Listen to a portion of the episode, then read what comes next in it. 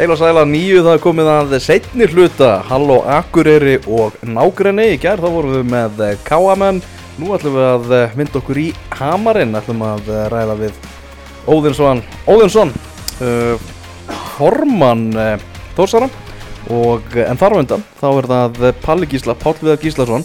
Og svo ætlum við til Grenivíkur á eftir. Ef ekki bara að keira þetta staðstrákar Ég held að sé ekkert annað í, í stöðunni en bara hjóla þess á stað. Þetta er svona svolítið eins og Þetta er svona svo skrítin þáttur. Ég er svona uppgötta núna þegar svona verðum að fara yfir þetta saman Hvað er við búin að vera að gera.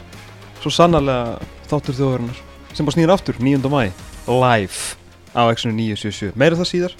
Meira það síðar. Heyrum hvað Palli Gísla, þjálfari Þórs hefur að segja Já, útastátturinn er statur í Hamri sem er félagsheimili Þórs á Akureyri. Svona yngri hlustundur okkar, þeir tengja vantarlega einn mann meira heldur en nokkuð annað við Þór það er þetta landslis fyrirliðin og, og framtíðar fórseti vor Aron Einar Gunnarsson en þeir sem kannski aðeins eldri eru og meira þess að Aron Einar, þó sko við tölum um hann, þeir tengja annan mann sem herra Þór og það er uh, þjálfurleysins Páll Viðar Gíslason sem situr hérna með okkur í húsinu sínu. Palli, takk fyrir að setja þetta með okkur, gaman að sjá þig. Takk sumulegis, takk fyrir að neina að tala við mig. Það er Nei, það, það er, hér er gott að vera. Er það ekki? Ykkur ekki? Jú, já, bara við komum inn að síðasta sumar og það er svona ákveðin andi, það er pappaspjald hérna af Aroni með, ég var að segja að það sé svolítið úr sér gengið, þannig allavega með glæsilega hárgreðslu á því, svona, það er eitthvað minnum um það þess að dagana. Hann er vígarleir í dag. Mjög leiðin dag. Herru, hvað hérna, þú ert náttúrulega Þórs Ari í með öllum stórum stöðum, ég meina, hvað ertu búin að vera, já, bæði hér og í og gamla, gamla Þórsvæðinu öllu, ég meina, fæðistu bara vellinum og verið það síðan? Já, málið segja þetta er búið að vera frekar einhaft hjá mér. Ég hérna Ég ólst hérna upp og var hérna í grunnskólanum minn á lóðinni, Gleiraskóla Mm. og bjó hérna og ólst upp hérna nokkur göttum ávar. Og og býð þar enn. Já, og börnin mín gengu í gleðarskóla og kona mín var með mér í bekk í gleðarskóla og, og nú kenni ég gleðarskóla og þjálfa hérna í Þór og, en fótbottalega þá er náttúrulega ólst ég upp hérna í Þór já og, og hef verið hérna náttúrulega alla tíðin hef, hef farið í svona svona útbúð spilað bæði með Káa í tvö já. og Leiftri í þrjú ár Sko við ætlum að geima þetta svolítið eftir síða sko því við vissum ekki hvort þú myndir henda okkur út og myndir minnast á þetta en fyrst þú opnaðar Nei. á þetta þá er það bara gott mál Ég hef búin að gleyma þessu, ég sá mynd, ég var myndur á þetta í gæra fyrir þetta sem þetta sínt á einhverju, hérna, einhverju stöðin í sjónvarpinu. Við vorum einmitt að horfa á þetta og ok. vorum að horfa á hann á Valur Káa frá 1992 frábæran byggarústaleik, kannski ekki fyrir Káa en flottur leikur svona í heldina uh, og ég verð að segja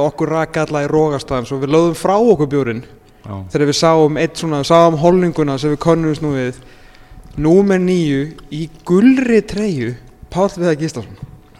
Svo ég fór að googla þetta, ég trúði þess ekki sko, við horfum allar leikin, við trúðum þessu samt ekki. Fórum við á hérna, heimasíðu káamanna er grein sem var held ég skrifuð bara til þess að pyrra þig. Og mér stóði greinin að þú vildir helst ekki að þessi tími verið rifiðar upp sko. Er þetta, er þetta, þú veist, er sárt að segja á þetta í dag, þú veist, í alveg eða finnst þetta bara Nei, fyndið? nei, ég er nú vaksin upp úr því, ég meina, þetta er nú að ég hef gert í gamni þegar minn tala svo um þetta, en þetta var, ég stend ennþá við það, þetta var uh, mjög góð tími og mér leið mjög vel hann þessi tvö ár sem ég var hann, ég, ég, hérna, var fóstrar af honum uh, Sigur Óla sem var þá vallavörður og vann þar þessi tvö ár og Já, og ég- þegar Íslandúsi var byggt þar og, og hérna. Og þetta þannig að þú veist ég er ekki með móral yfir, yfir þessu. Þetta var mjög góð tími og ég sé ekki eftir að hafa spilað þarna nei, með hörkuliði og hérna en auðvitað getur maður gert grínans í dag og hérna einhverju vildi meina gott ég það ekki svektur. Að við fengi okkur þetta 7 seconds away mark. Já, reynda, svo er alltaf það sko. En það er alltaf betra að þau eru alltaf bara að klára þetta sko. Og verið orðið byggamestari sko. En nú kannski ekki eins og hefur verið kannski orðið eitthvað svona Þórs legend á þessum tíma Ég meina þetta ekki bara veist, Ég- rétt skreiðin upp úr þetta er- er hvað 92 91 og 2 já. Þá er ég bara 21 árs. Já, einmitt Ég farið þarna áður í hvað reyni áskóströnd eitthvað í smá stund þarna? Já, ha- þetta var Og eitthvað smá flakk hérna spá saga hana, ég var hann að byrja að snemma að við mestralokk og spilaði mér fyrsta leik held 87 hjá Jó Atla held ég að verið Já. og svo hérna, spilaði hérna náttúrulega bara með öðrum flokku aðeins en, en svo uh, kom einhver hundur í mig þarna eftir einhverja æfingu hérna í skipa skemmur hérna nýra það sem var innanúsæfingu og, og mér sinnaðist eitthvað.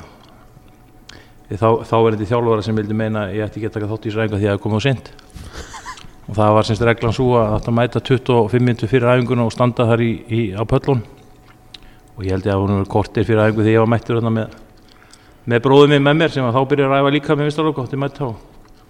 Svo þegar badminton ekki var búin og við stígum völlin þá vísaði mér heim.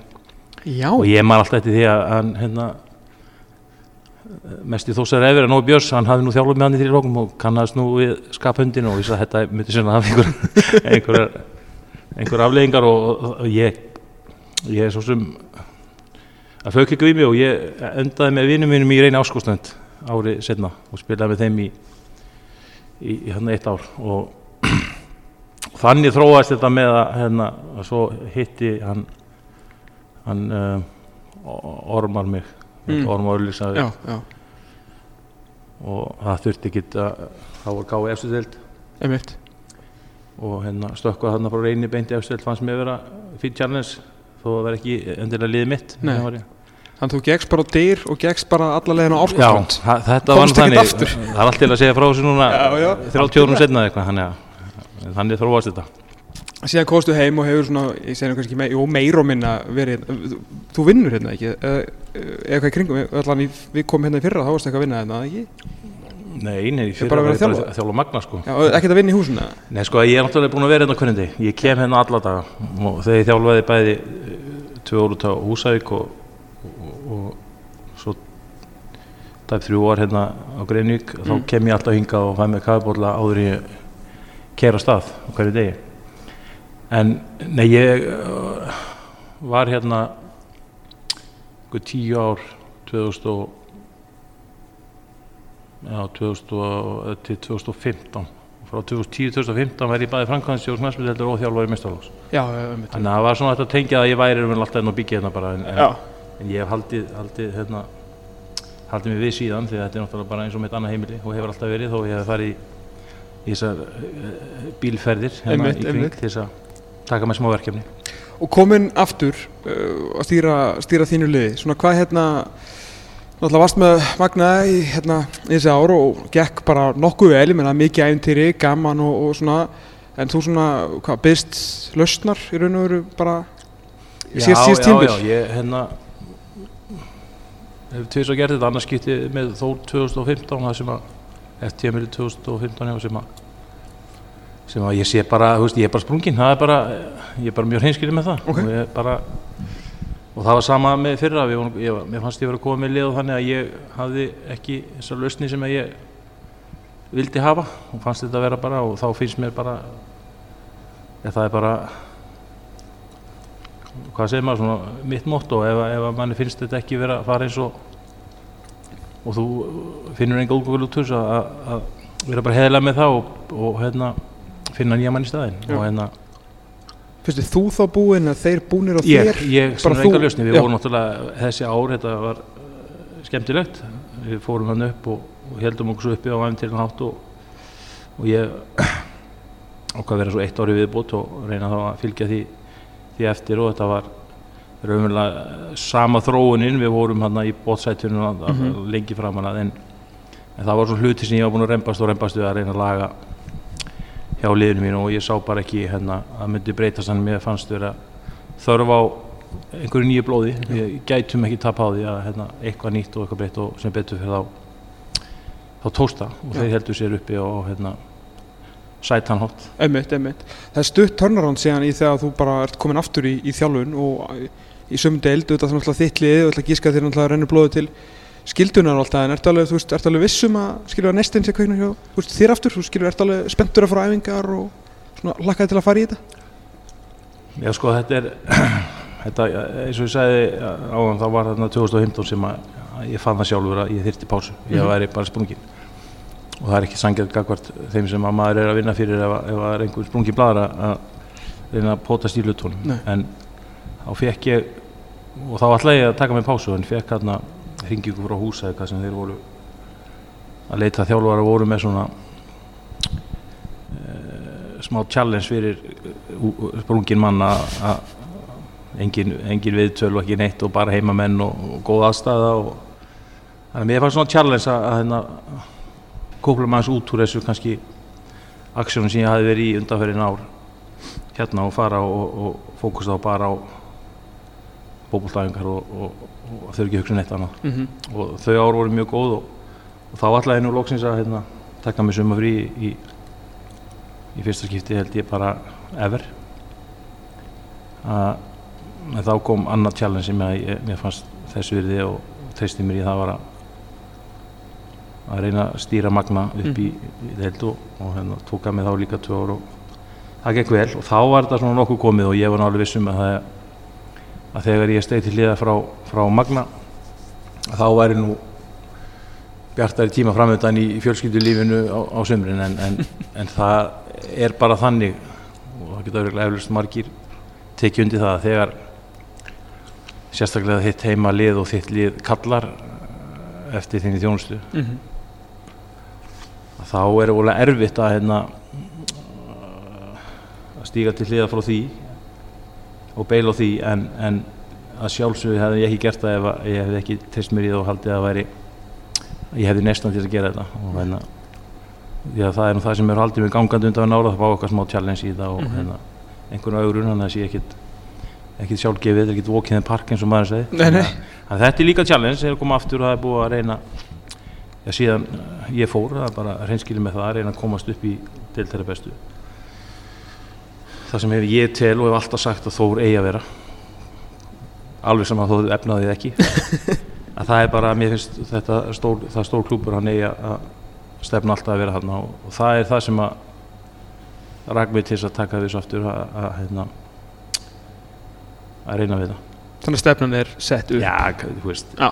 En þú er búin að gera þetta tvisar á Það er alveg saman hvað margi segja við mig að við erum ekki efnaði að þetta sé ekki kannski nógu öflugt lið og þá, veist, markmið okkar er alltaf að að spila með þeim bestu. Og hvað sem við hefum efnaði ekki, það verður þá bara komið ljós en, en það er það sem reykur mig áfram og ég held að uh, ég geti vonandi smita því út í þá leikmenn að það hefur markmið þetta sjálfsögð að reyna að spila með þeim bestu. Mm.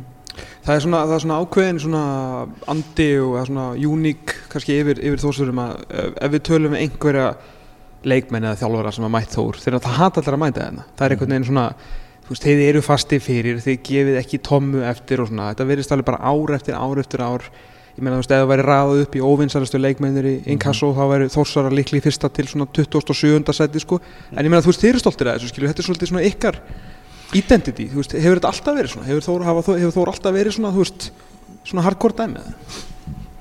Já, ég held að þetta, þetta orðspor hefur fyllt þeim hérna, langt aftur í tíma alveg frá því að ég byrja að fylgjast með þessu þegar þeir voru þarna Átni Stefáns og Nói Björns og, og alls konar hérna, snillingar en það er rétt að er, við höfum orð á þessu og við hérna, jú, erum stoltir að því að vera með með lið sem að vil leggja sig virkilega vel fram og, og þó einhverju finnist að vera stundu full mikið að en, en það er ekkert leindamóla ef þú ert ekki með nógu gott lið Mm. fótbolltælega séð að þá lítið þú að leita einhver leið til þess að reyna að vinna þau upp. Já. og þetta hefur oft, oft hjálpað okkur mikið að hafa að hafa þennan kost að við berjum stangu til að yfir líkur Mhm. og, og ég vona að það verði ég búin til við sumar og það sem kannski uh, þó svjölskyldan er að kalla eftir að við viljum fá að sjá menn skilja allt eftir og, og hérna, á vellinum og telja svo upp og, og, og auðvitað reynu að spila góðan hópból til leðinni Er það ekki svolítið bara svona það fyrsta síðasta, ég meina, er ykkur ekki ykkur fyrirgefið ansi margt á, á meðan þið skiljið hjarta eftir út á vellinum eða ekki? Jú, jú, það er auðvitað ekkert, ekkert hérna ekkert flókið með það að þú auðveldar með að fyrirgefa og, og sætta þig við ef úrslitin gangi ekki eftir ef þú hefur séð að menn skilja allt eftir og Mhm. hérna auðvitað geta leikið farið stöngin inn og stöngin út Jú, en, jú. en leið þú fer að sjá einhverja einhverja poppara röldum hölli með tyggjóið og, og hérna og bara með skæri og, og einhver glamúr sko Já. og tapa svoleiðsleikjum að þá er, þá er hérna þá held ég er ekki heima hér Nei. það er, það er þannig, það er ekkert allir sem að held ég fungera í, í, í lið eins og þór, það Nei. er bara þannig Einmitt. þetta eru, eru þetta típur sem að sem þurfa að hafa svolítið pung í þetta það, það, að þá þá uh, oftast gengur þetta vel Þannig að sumarið framöndan, ertu að komið með hópin, er allt, allt klárt fyrir, fyrir tímabilið? Já, nú er við stættir á þeim tíma sem ég hef ekki séð leikminn í hvað sex vikur? Nefnir að hérna gegn tölvu, við stýrum sig gegn tölvu eins og allir aðri en uh, ég með núna 28 manna uh, leikmannhóp sem að sem er klári í slægin og við fengum aðkomumenn þrjá ellenda leikmenn. Uh, vel fyrir fyrir COVID. Og þeir hafa verið einn allan tíman og er að æfa þannig að við erum konið með einn hóp og erum ekki með það á stefnun að bæta neinu við okkur. Þannig að ég held að við sem ágætilega stattir þanniglega Mm -hmm. Þú talar með í þínu röðum Alvaro Monteo sem er náttúrulega ansi öflut vopn í, í þessari deild, bara einn klálega eitt besti leikmaður deildarinnar.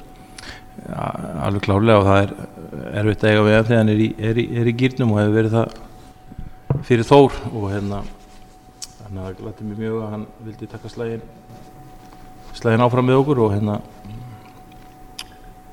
og að hafa hann í liði þá náttúrulega veistu að þetta er svona X-faktor. Hann, hann er svona mattsvinnir þannig að svo er bara spurning hvernig getur púslað þessu saman þannig að það nýtist. Það er ekki það er ekki heitvanlegt ef við treystum bara á hann sjá um hlutuna fyrir okkur og ef hinn eru með með bara girtu fyrir henni. Hvernig líst þér svona persónulega á að vera að fara í svona tímabil þar sem er bara, já, rosalega stutt milli leikja, verður bara lítið þetta æfa, þetta verður bara endurreimt og, og leikið nánast. Já, ég get ekki undir það sem ég hert marga félag mín að segja. Þetta verði, þetta er bara jú öðruvís en samt spennandi að hérna, þetta er það sem allir fókbóltamenn vilja gera það er að spila sem mest og við náttúrulega eins og marga ótt við komum fram við erum með lengsta undirbúst til í tíðanbíli í Evrópu. Og það lengdist nú heldur betur í annan enda núna. Þannig að ég held að það sé ekki verði ekki sko einasti kjaftur sem að kvartar yfir því þó að séu leikir séu leikir þjætt og, og æfingarna verða meira minna bara ríkofur æfingar sko. Þannig að, þannig að ég svo sem er alveg búin að átta mig á því að að hérna æfingarnar verða bara svona verða á, á undanhaldi þannig lagað nema bara að ná mönnum kláru fyrir og millileikja. Þetta fóður að vel hjá þér hérna, og ykkur, hérna Evrópu fyrstutildasumarið, þá sapnaðist upp mikið að leikjum með okkur út af Evrópudæminu og spiluðu, æ- æfðu vantilega mjög létt svona síðustu 6-8 vikurnar og bara náttúrulega bara rulluðu upp hverjum leiknum, að fætur öðrum, komist í svaka takta því voru bara að spila en þú hefur svona kannski svona smá reynsla af þessu. Já, ég held að ég mitt að það sé þessi luti sem að þjálfur að tala um sko, að, að þau kvíð ekki fyrir að því að þetta sé að það er gaman að þú leiðu nærð einhver svona stemmingu sérstaklega ef það er að ganga vel Já. að þá viltu bara helst spila daginn eftir það er bara þannig og, hérna, og ég held til að, að við sem ágætlega stati með, með, með breytt það er held ég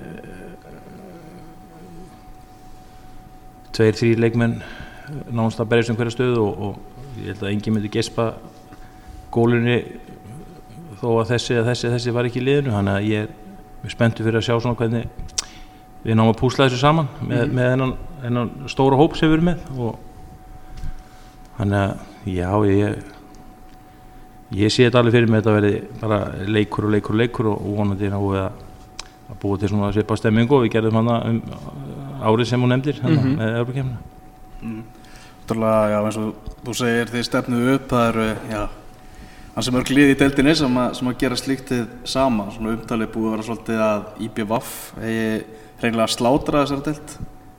Tekur, tekur undir það?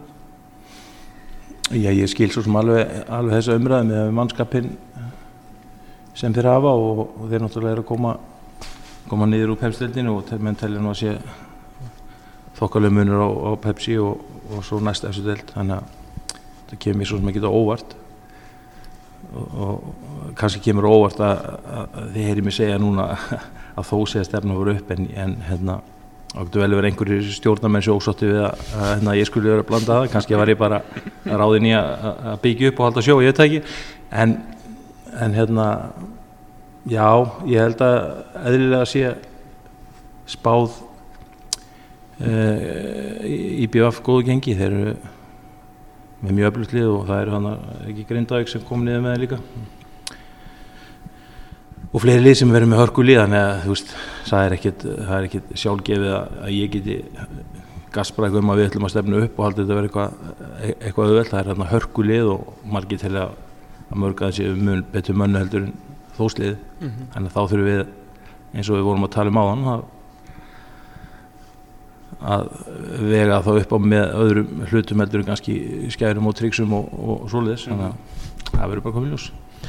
Ég hérna, að því að við erum að horfa hérna pappaspjaldið af, af, af kæftin, fantastik, Árun Einari, þú náttúrulega þekkir hennan strák nokkuð vel eða ekki, hvað, þjálfur hann mikið eða? um, Ég held ég að nú við erum með hann frá því að hann mætti á sína fyrstu æfingu þá til hann fór út og ég með þess að fór með hann út sem er Já, ok. einhverjum eftirminnlegt manni, bakbókaferðilega góða sem var hérna, Já, hérna það var alltaf hann, wow. hann og Alli, að ég man ekki fóð bæði með honum og Alla að. Sigur Jóns út í þeirra fyrstu ferðir hann þess að uh, já, ég held að það hef verið þannig að ég var með ég byrjaði að þjálfa mjög snemma bara 7. flokk 8. flokk og við fylgdi 90 og 91 árgangum minni með alla leið Mm. fyrir þannig að sumir voru kannski þá ofnir að fá aldrei neitt annað þjálfur en mig að alla, allan þessi feril og enduðu svo með mig í mestarlokk að en já, ég, hann fór út 16 ára minni með 15-16 ára. Þrjaflokk var hann held ég. Búin að fá einhverju leiki í mestarlokk hérna, ég veist að, að spila með honum deillik, mann ekki. Nei, Er hérna, kemur þér uh, á óvart, þú veist, ég get rétt einmyndum mér, ég spyrum þig, kemur á óvart á naturum að þú myndir vantilega að segja bara nei, en kemur þér svona þessi svakalega velgengna svo óvart, þú veist, fjögur- Nei, 400 nei. plussleikir á Englandi, Nei. landslisfyrirliði? alls ekki og langt í frá og ég meiri segja sko var að var að fletti einhverjum eh, blöðum sem ég fann í bilskútum í þessum tíma kórinu þegar maður er að laga til alls það þá rakst ég á blað hérna frá frá Þóra sem er viðtal við mig í einhverju blaði hérna þegar held ég Aron var eh, rétt valin í landslið eða hvernig sem væri og þá sagði ég að, að þetta væri ekta típa og ég vissi það hann eftir, enda sem fyrirlið landslýsinu ef eitthvað væri eða hvort það var í 21 ás eða 18 sem var að spila í. Mm -hmm. þannig að eh, þá hefur allan verið mjög snemma sem ég allavega tók séns á því að fullir það að þetta er þið kandidat í þetta og sem er endar ég hef sagt um, um fleiri sem kannski ekki hafa gengið eftir en, en, en En hvernig vissur að hann er þið svona góður? ja, hann var rosalega sterkur karakter. Já. hann var, var hérna þannig gerði sko hann var sáð að hann vildi alltaf meira og meira. Hann var ekki að fara að stoppa veist, hann æfði æfði upp fyrir sig alltaf við sjálfsagt reyndum að ástætt fóldum að, að blanda þess aðeins og, og gefa hann frí eh, reglulega því hann æfði held ég líka handbólta á þessum tíma Mm -hmm. en maður sá alltaf að hann mættur hérna vantaði æfingar hérna í, í, í fjóralokk og þá leit maður bara í kringu sig og þá sá maður einhverstað runnanum hérna lítinn gutta, hann bjóð hérna neðar og það beið hann Já. og maður kallaði hann og þú klárið að fylla upp í skilu þá fór hann í bókan og klætti sér í hópólskon og kom inn og hann hafði alltaf með sér kom og orðið á æfingar til þess að vona að fá að vera með að maður sá svona, veist það er ekki oft sem maður sér svona hvað segir maður svona, ég ætla bara, ég ætla, ætla, ætla Nei. Og orkan var náttúrulega rosalega þannig að auðvitað er Aron ekkert flinkast í fótbollna með heimi að vita það allir skilur en, en, en það sem maður, sem maður fer á hugafæri og, og vilja er, er alveg ótrúlegt og hafa mjög, mjög snemma snemma uh, stu, ljóst hvaða, hvaða kosti hann hafði sem að Ég maður til að Siggi er ekki í einhverjum hérna, fyrirlestri sem á að tala við hérna, unga knæspinnumenn, þá var hann að tala um hérna, þegar þeir fóru eitthvað í milliriðilið eitthvað, hérna, þeir voru bara 16 ára, 16, nei, jú, 6, 15, 16 ára, hann og hérna ára að segja sko, að þá var ekki Gilvi Sig sem var sko aðalmaðurinn, þú veist, það var Aron Einar tók öll innköst, allar aukarspinnur, þú veist, hann ítti öllum frá, skilur, hann var bara, þú veist, hann var alfa, greinlega bara strax frá ólingsára. Þú veist, er þetta, er, þú veist, þú brosir bara þegar ég segi þetta, Já, þetta er alveg bara negla. þetta, er auðvitað bara akkurat hann sko, það var þú veist, alveg sama með hverju hann var eitthvað, hvort það var æfingi eða leikur eða áhverjandur eða ekki áhverjandur hann var bara ólinn, hann var Já. bara, hann sagði þó hvað sem heiti Gilvi Sigursson eða, eða, eða Jón Jónsson skilur þá fyrst þú bara heyrið og laðir ekki fram Skilur. alveg sama, hann gerði það og þá ætla hann sér allir að gera það. Þannig að, og það er það sem hann kannski þekktu fyrir í dag, hann smitar rosalega mikið út frá sér gott að hafa hann í liði. Sé engin þjálfari sem er ósamála því.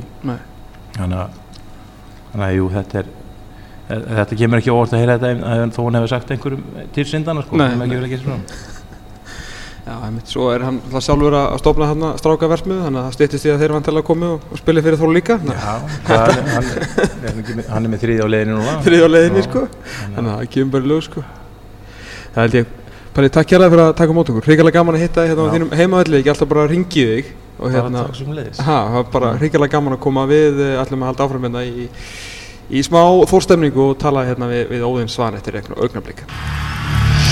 Þú ert að hlusta á fótbolti.net á Exinu 977 Við erum áfram hérna í Hamri og hengaði komin Óðinn Svan Óðinsson, eh, formaður Þórsara, ungur formaður, eitt svo yngsti í, í, í boltabransanum. Hvað ertu gammal?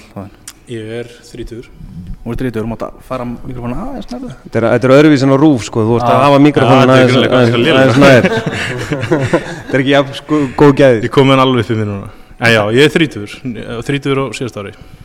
Já, er, er þetta eitthvað sem hefur blundað í þér að verða formaður þessa félags? Nei, þetta bara gerðist sko. Ég var, hérna, var alltaf munið til mjölinismönnum Mm. hérna, sem voru í stúkunni þar. Ég var svona einn af fórspörkunum þar og svo eldast menn og, og hérna, get ekki lengur tekið rútu af lager og leikta og farið í stúkuna og komið krakka og svona þannig að maður svona fór að finna sér einhver önnu hlutverk í klubnum og ég fór í stjórn uh, 27 ára sennilega og hérna fór inn í stjórn sem er búin að vera hérna í mörg mörg ár og svo einhvern veginn hættu eiginlega allir þar í þeirri stjórn og þá einhvern veginn dæmdist þetta á mig að smala liði og endaði sem reynslumesti maðurinn þar sko, í, í þeirri nýju stjórn þannig að En hjarta slær bara fyrir Þór. já, já, við hefur alltaf gert sko. Já, ok. Já. þannig að bara, já. Þannig að á þessum furðulegu tímum þá hefur við ekki að tala um að það sé einhver saminning eða þú veist, er ekki best að samin þetta bara og allt það? nei, það er bara Já, krabba minn í mín eiru sko. já, já, já, ok, ok, ok. Ég heyrði einhverja umræðum daginn um einhverja saminningu íþróttafélag á Akureyri og mér skildist það, reyndar, það var svolítið miskilin umræð ég, það er einhver, einhver stefna hjá bænum að fækka íþróttafélagum Ok, setja fleiri íþróttafélag undir Þóru Káa en Þóru Káa verði ekki saminuð meðan ég er lífi sko. Nei, já, bara meðan var á lífi.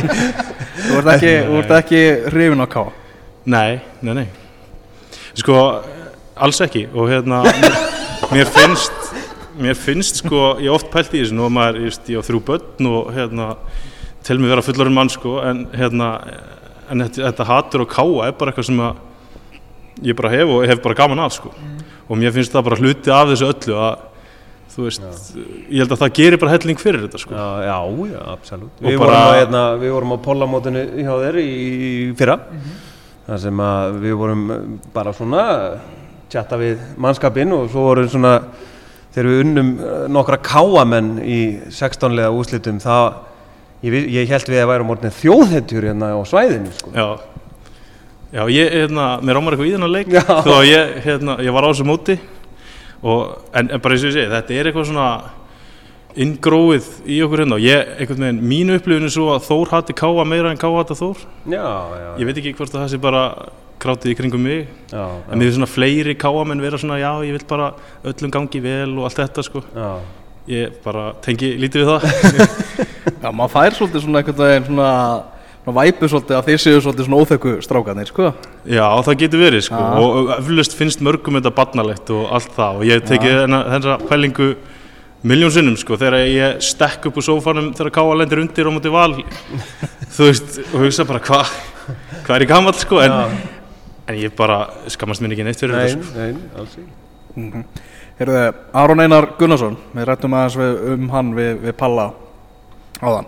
Hann er náttúrulega mjög ábyrrandi hérna í, í, í Hamri. Og hann var nú að að hjálpa ykkur á, á erfiðum tímum. Já, hann hérna við erum búin að vera með aðalstyrtaralinn hjá knastmyndeldum og eimskip í síðan ég mann, eða höfðlega tíu ára eða eitthvað svo leis og sá samningur rann út og, og ekki ekki viljið til að framleggja hann hérna núna, þannig að við þurftum bara að leita annað og ég hendi bara Instagram message á Aron og var búinn að photoshopa merkið á þessu fyrirtækjans framan á búningin og spurði hvort þetta væri ekki máli Já, og hann sagði bara að Gekkjaður.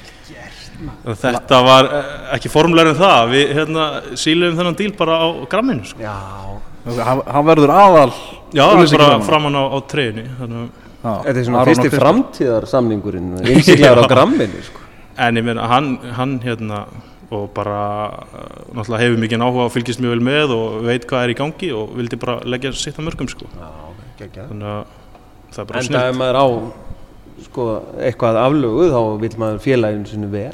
Já, klárlega, ég, er ég vona það. það. Og ég held líka reyndar sko að hann hafi fengið helling út úr þetta fekk mikla umfjöllun Já, og það er enn verið að tala um að hann hafi komið til bjargar og allt þetta sko, og þannig að ég þessi auðlýsing sé alveg vel- þessi virði fyrir hann sko, þetta er ekki bara eitthvað eitthva betl og, og styrkur sko, hann, hérna, hann er núna framann á búningum þó svo verður einhver næstu ár sko. Hvað hérna svona fyrir ungan mann og, og vera formaður ég meina Þór er svona stórt félag í, í fyrstu deildinni og allt þetta. Hvernig er að vera svona á þessum furðulegu tímum veist Í þessu, já, ég heila bara, maður getur ekki búið þetta saman. Þetta ekki þetta, þetta fyrir ekki, sko. og ég er bara, veist, maður er náttúrulega búin að vera viðþórslaus yfir því að get ekki, veist, bara við hafa mist fótboltan, bara eins og þið, sko, og það er svona miklu meira böggamann heldur en eitthvað svona reksturinn á dildinni og allt þetta, ég, auðvitað, þú veist, eins og Lárus Orri félagið minn kom inn er annarkur frangandastjóri búin að fara í fjölmiðla og væla eitthvað yfir því hvað þetta er erfitt og það vita það allir skilur já, já, já, við erum bara að reyna að gera hérna, það best úr þessu og, og hvernig sem við gera það það er bara, en sko veist, mest bara söknuðurinn af boltanum og svona einhvern veginn það að hann sé ekki í gangi, það er að versta sko. en það sem við Tommi við þurfum að vita er, verður pollamót? Já, það er 100% það er 100% já. En Hvernig, hvernig getur það verið 100%? Nei, Þú er ekki 100% Ok, okay, þú veist, Ekki fyrir að, veist, byggja upp svona en það verður pollamót það er bara spurning hvenar og hvernig sko. eins og staðin er núna og stefnum við að hafa það á sama tíma og með sama hætti. Já, og meða við allt sem við vitum, allt þetta hvað Þórólfur hefur sagt og sagt ekki þá var talað um 2000 manns. Pólamóti rúmast alveg innan þess. Og við erum alltaf með, eins og við sjáum hérna fullt af öllum úti inni. Það er auðvelt að hólfa þetta niður en að ekkert því til fyrirstöðu að Pólamóti verði ekki sko. og við Nei, bara við- stefnum að hefja skráningar bara í næstu viku sko. Skemmtilegt, við erum bara stefnum með að koma og vinna þetta Já, þið ætlaði að gera betur enn í fyrra Já, sko, planið er það að vinna mótið og að fá ekki á sig mark Já, ok og kannski klippir, að klippir þetta út Elvar, svona, Nei, hvernig gekk ykkur í fyrra? Hvar, hvar við, við hættum í áttalega Já, það var saman mittlega gerði, það var komin sól, gott við Já, og, og, það var- Það var langaði, þetta frábært við, sko. Og langaði meira á pallinn í grill og þannig að við bara settum alla lúsarinn inn og töfum 2-0 sko. já, við gerðum þetta svipa Rútan, hérna samt, mér varst rútan á bjór sem ég kefti, þú veist þegar við komum hérna bara í sóluna mér varst svona merkilega lítill afsláttur á henni með að við höfum hent út káamannunum Já, já, það menn hefði mátt uh, flagga því meira sko. Það fengið fengið einhver díl sko. Er það enn hérna fyrsta deildin í, í sumar. Uh, Já, náttúrulega þjálfaraskipti eftir síðasta tímabili ykkur Akkur var Greg Rættir ekki Akkur var hann svona viðkoma hérna á Akkur Akkur var hún ekki lengri? Uh, Sko, mér finnst einhvern veginn í þessu allavega uh, með Þór, þá finnst mér sko tvent þurfa að vera í gangi. Annarkvort árangur eða hérna, ykkur uppbygging á því sem við höfum. Strá, það er það sem fólki vil sko. Og það er það sem ég vil, það er annarkvort að við séum að búa til betri leikmenn og, og leifa þessum ungu guttum að, að verða betri. Eða fara upp. Og hvorugt gekk eftir í fyrra. Mér fannst við ekki ná að þróa liðið og við fórum ekki upp. Þannig að það var bara niðurstaða sko, að leiðir skildu. Þannig að þú, þannig að þú varst bara, þú veist, ósáttur við þjálfarinn og bara lest hann fara Skilur, þetta var bara ekki það sem þið voruð að leita eftir. Uh, Já, Það er alltaf leið að segja það, sko, Já, þú veist, að því að sko, eldri það- formenni segja aldrei neitt svona, sko. Nei, nei, erum það að er engin, engin launung að hérna, við nýttum okkur uppsagnar ákvæði í samningnum hans. Og gamla klísjan skilur ég ekkert út á hann að sita og allt þetta sko. En mér fannst bara hann, ef, ef þið þekki eitthvað til þess þá var þetta svona sjúklega metnaðafullur þjálfari smá, já, og, og fullt sem hann gerði frábærlega vel sko. En ég held svona in the end of the day þá allan í, í félagi eins og Þór þá er þetta bara þetta er mest allt bara gæjar sem eru annarkvæmt smiðir eða vinnanir í banka og eiga þrjú börn og þeir nennar kannski ekki í júli að fara á fund í tvo tíma um fyrst leikadrið skilur eða þið veitir það var svona mettaðurinn var svo mikill einhvern veginn að ég held það er allan einhver kenning á okkur að það er svona svona menn hafði svona aðeins fengið leið á hvað þetta var yfirdrifið sko. þetta byrjaði rosalega vel, veturinn var geggjaður og þú veist, þetta team analyze á öll hinlegin upp á tíu og svona en svo svona einhvern veginn fjaraði undan því sko. Þetta var bara ekki nógu skemmtilegt. ég, já, eiginlega, það er stutt að svari sko. Nei, meni, ég, veist, ég hef sagt þetta áður með hérna, það var einhver sem gaggrindi mig fyrir að tala um að Milos Miljevic væri of of metnaðfullur ég menn, þú veist, hans metnaður versus sem raun og veru vikingslið á, á þeim tíma var bara algjörlega á skjön ég menn, þessi gæi er veist, var á, á ratarnum hjá, hjá Malmö veist, að koma inn í teimi þar og gæi sem að koma hérna, einhverju fjósalið upp í allsvenskuna, sko, að því hann er alltaf með brjálega alltaf metnað. En á þeim tíma sem hann var að þjála vikingsliðið voru, veist, leikmenn í vikingsliðinu sem að voru skiljiði mig ekki, þeir voru bara þarna. Þeir voru bara í viking og voru ekkert að horfa eitthvað lengra eða niður, sko. Þannig veist, þetta þarf alveg að fara saman alveg svo þú ert að segja með leikmennina hér. Þeir kom bara hérna til að deyja og blæða og bara, berjast fyrir þór en þeir eru ekkert að stefna, veist, á, á hérna einhver, einhver aturmenn, sko, ekki kannski munguputarnir, skilju, þannig að þetta þarf svona svolítið vantilega að vera smá samhljómur í þessu Já, og menn þurfa að vera einhvern veginn á réttum stað með það sem þeir eru að gera sko. Einmitt. og, og, og ég þarf alls ekki verið að gera lítið úr þeim leikmannhóp sem var og, Nei, nei, eða, nei, eða þjálfaran sem tekur við sem er allt öðri sig einhvern veginn miklu já, bara meiri stemming skiljur Mhm. og hérna, lettar yfir þessu sko, því að, og svo líka annað skiljur við vorum hérna, eða hann skiljur þjálfarinn að fókusa mjög mikið á anstæðingin fyrir leiki og, og maður heyrði það alveg að þú veist klukkutíma fundur um hvernig Njarvík spilar er kannski ekkit endilega það sem við þurfum við þurfum bara, hérna, við erum þór, við erum betri í Njarvík við erum að spilum og vinna þá sko. þú veist, þetta þarf veist, þetta Já, er í svolítið- bara fyrst til kalla sko. Já. þetta, við erum ekki að spila í meistardældinni sko. En Samt líka til að vera þú skilur devil's advocate að þú veist það er alveg hægt að gaggrina þig og ykkur fyrir þessa hugsun af því að hann vildi kannski koma ykkur lengra en það skiptir ekki máli þú veist rýmar ekki þá rýmar þetta ekki sko. Akkurat. Þú og, og, að- og það er líka lægt að fara að gera þetta í einhverjum skref kannski var þetta skref of stórt. Já, það er að segja, eða, veist, já, þetta var of mikil breyting. Í einu já, Já. en það var fullt í ákvæmt sem hann kom með varandi svona umgjörð og veist, hann er mjög kröfuharður Mhm. uh, þjálfari og þú veist, ég meina og fullt svona, já, í sambandi við leikmunna og hvernig, þú veist, aðbúnað sjúkraþjálfara, markmannsþjálfara í fullt starf alls Já. konar svona dót sem kom inn sem er bara flott og við tökum bara fegin sendi, sko. Já, æmi, þetta bara er, snýst bara alltaf um að vera réttum maður á réttum stað, sko, Já. þú getur verið réttum maður á röngum stað og, og skilur röngum maður á réttum stað, skilur, þetta er bara en ég myndi alveg, þú veist, ef einhver myndi ringið mig og spurði út í Greg, ég myndi ekki segja margt vondum mann, sko, bara Ég meina, eina, frábær þú, ert bara að segja góða hluti um hann, Já, sko, þetta bara virkaði ekki hjá ykkur já, at the time, sko. já, nákvæmlega. Algjörlega. Og Palli mættur aftur, mættur, hann náttúrulega fór ekki þetta, eins og sagði við okkur áðan, þegar hann var ekki að þjálfa þetta, kom hann hérna samt okkur um einasta degi og fekk sér kaffibólla. Já, hann satt yfirleitt hérna í sófanum hérna fyrir aftan okkur á, á hverjum degi sko og uh, náttúrulega eftir þetta tímabil þá, þá förum við að líti kringum okkur og Palli var bæði fyrsti og síðasti gæðin sem við tölum við. En eins og við vitið þá er er stjórn ekki ég er ekki einn sem ræði þessu skilur, það er tíu manns í stjórn hjá Þór í knaspundeld og við náttúrulega menn hafa misjönda skoðanir og hvað á að gera og hvert á að leita þannig við ákveðum að bara tala við marga og, og fara að skoða bara markaðinn skiljuru en ég persónulega, hann var alltaf nummer eitt fyrir mér sko. Já, því ég vissi sko bæði þetta að þú veist það vantaði smá léttleika létt, þú veist, léttleikanda í liðið og ég meina rekordið hans tala bara á sínu máli. Hann er búin að fara tvisunum upp með Þór. Hann er búin að fara upp með Völsung, hann er búin að fara upp með Magna. Halda Magna uppi, Halda þá uppi. halda Þór uppi, fara í byggarúslit það er saman hvað þú segir um Palla. Hann, er með, hann kann að gera þetta sko. Þannig, að- Og hann er, hann og er kannski, Þór. já, og, er, Er Þór. Og, og þarf kannski aðeins að, að sanna sig eftir svona síðasta tímabil sem að fór ekki nægilega vel hjá hann. Já, hugsanlega en, að, hérna, að mér finnst Palli ekki þurfa að sanna neitt sko, en, Nei. en síðasta tímabil var kannski ekkert sérstatt fyrir hans lið. En, en bara strax á fyrsta fundi sko ég held þegar Palli hætti í fyrra með Magna að hann væri svona orðin þreyttur sko. Við líka, Og- ja, hann, og- en það var hann þreytur á hjá Magna, Já og okkur, líka sko. þegar hann fer hérðan náttúrulega fyrir nokkrum árum þá var hann eins og þau kannski muni, hann var framkvæmtastur í knaspundildar og þjálfari liðsins þannig að hann var að á meðan að liðið var hitt upp var hann á ágjörðu því að væri nú margir í geslu og, og hver var að hérna, hella upp á kaffið þú veist það, og hann bara svona held ég branna þessi yfir sko og svo einhvern veginn núna þá kemur hann inn og veit einhvern veginn að það er öflug stjórn, það er þú veist, þetta er búið að vera í topp lægi hann, hann getur bara einbæst sér að þjálfa, ég held að það hefur svolítið heilað hann Já, já, algjörlega. Við draumar að sjá Aron Einar aftur í þós treyjunni. inn á vellurum Eh, Já, ég neyta því ekki, það væri mjög gaman sko. Heldur það sé líklegt? Já, já, verður ekki vonað það. Hann komið þessa klassísku leið heim, verið spilandi aðstofuþjálfari hérna.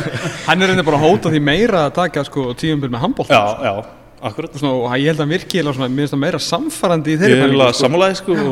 sko og kannski ve- veldur einhverjum áhengjum en, en hann ætti bara að taka það sem Palli Gísla gerði, spilaði handbólta á miðunni á veturnar og, og, fótbolta á sömurinn og bara langt bestur í báðum liðum sko. Já, bara þú veist, hvað, 38 þryggja Já. bánu hraði með 750.000 leiki á bakinu? Jú, tökum að bara. Já, Oppa sportin kemur heim ekki mál. Getur við svona luxusleikmaður Já, algjörlega, algjörlega sko. En jú, þetta vonum maður að hann kom hingað. Á einhverju tímabúti, ég veit ekki, hann á náttúrulega konu líka, það er ráða vist miklu þessu Þetta er Þór, þetta er Aron Einar sko. Ég hef ekkert eitthvað mikla lágjur að Nei, þú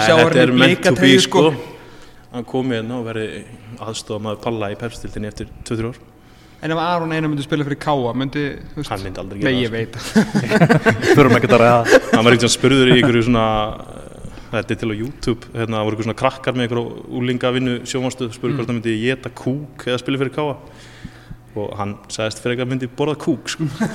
þannig að það er líklega að þið sjáðu hann jafnla skýt en að spila fyrir káa Já, ég ætla að vona að þetta verði ekki fyrirsögnandi of bara svona þín vegna sko. Já, já, nei, nei. Það, Þetta gerist ekki. Ég sagði þetta ekki, þetta, þetta er á YouTube. Já, þetta er á YouTube koma honum vandræði. Þetta er langt fyrir Algjörlega. Spennandi fyrstild framöndan Er ekki, er ekki já, bara komið fyrir yngur aðeins? Það Jú, bara er það að sé ennþá slatt í þetta? Get ekki beðið sko. Já. það er hvað mánuður í uh, þetta byrji, eitthvað leys, rúmur. Tala um þá byggarinn sko. Já, byggarinn já, jú, það er bara hérna, við bara líka að þeir byrja að æfa á veist, það er risa skref sko, Sjá strákan aftur og svona. Já, kíkja á þetta sko. Og Já. þeir geta verið hvað, sjö á öðrum helming og sjö hinum einn, þetta er alveg eitthvað. Og, en bara fagna því Fá sko. líf í húsið bara já, og, og, þú það, veist, þetta er búið að loka hérna, það er búið að mála og eitthvað. Þannig að já, það verður bara allt annað sko. Algjörlega. Love it. Algjörlega. Óðinn bara takk kjærlega fyrir okkur. Takk fyrir mig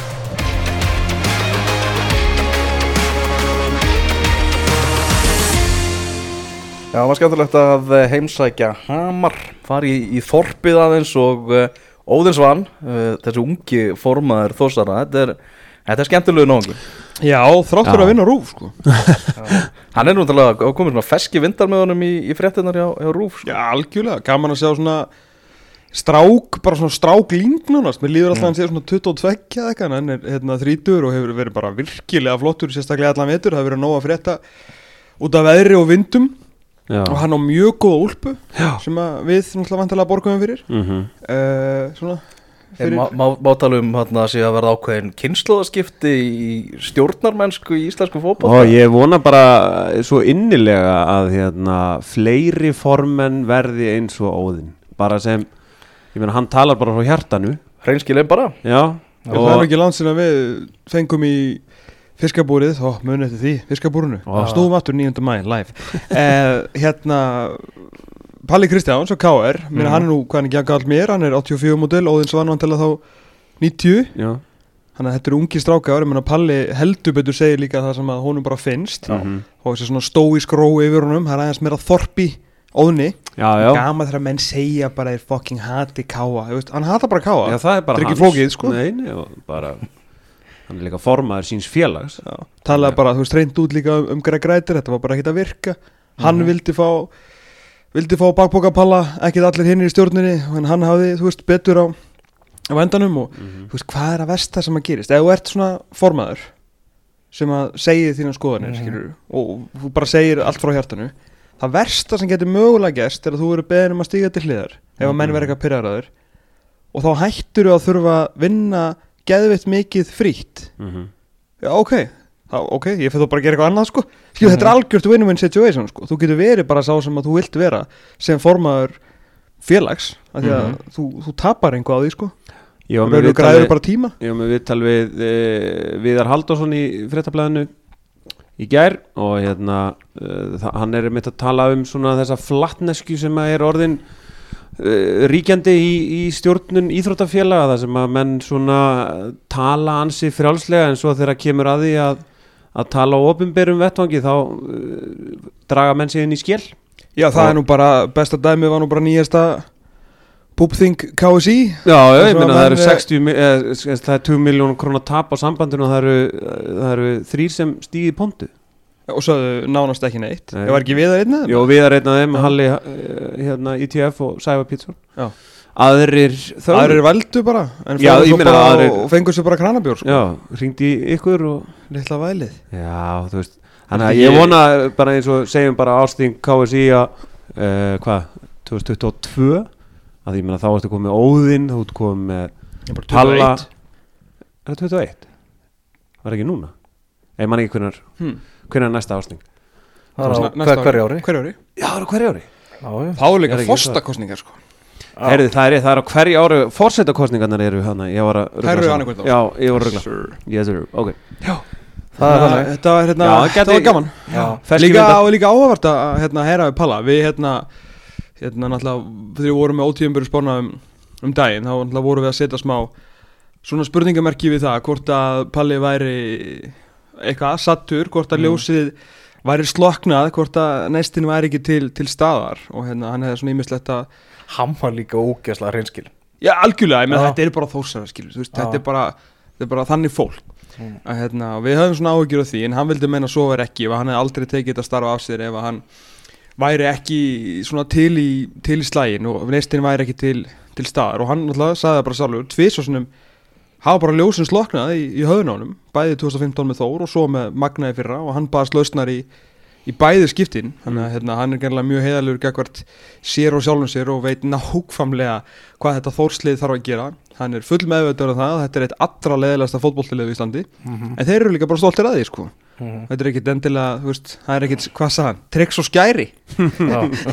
Það er ekki mikið um tricks og skæri sko. Nei, það er ekki þannig Heyrði þetta við gerð þá rættu við aðeins um, um Aron Bjarnason og svona þessar fréttir sem að bárust fyrir í að í upphæði mánaðarins að upphæði síðasta mánaðar eh, bara fyrir mánuði síðan að valsmenn var að fara að taka sér launalækanir svo allt innum mætir Aron Bjarnason bara fenginn frá, frá Ungverjalandi og við vorum svona að ræða hvernig þetta liti út fyrir leikmönnum. Mm. það kvíslaði nú bara lítil fugl því að mér í, í gær úr uh, úr herbúðumvals að, að menn það var ekkit allt of menn var ekkit allt of sátti við þetta og, og, sk og skiljanlega.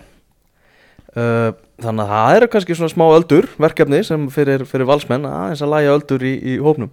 Þetta, já, algjörlega, ég menn, maður skilur alveg vel að lið þurfi samt að bæta við sig leikmönnum þráttur að sé búið að vera að taka á sig einhverjar, einhverjar launalækanir uh, en menn þurfi náttúrulega að gera þetta í, eins miklu sátt og samlendi og hægt er, auðvitað náttúrulega verður það ekki og það á ekki að verða þannig að leikmennir er að stýra því hvað gerist næst og hvort að komi fleiri fótbolltakallar uh, inn í liðið. En eins og vorum að tala með mitt í, í kringum þetta að gegnsæði þarf að vera á svona samræðuna meiri millir leikmanna og, og þjálfara. Og þó að já, hvorki börkurinn ég heimirinn ég þeir sem að stýra þessu batteriinn og hlýrenda sé sko þeir þjón engri tilfinning, tilfinninga tilkynninga skildu gagvart leikmönnum ef þeir eru að fá okkur leikmenn.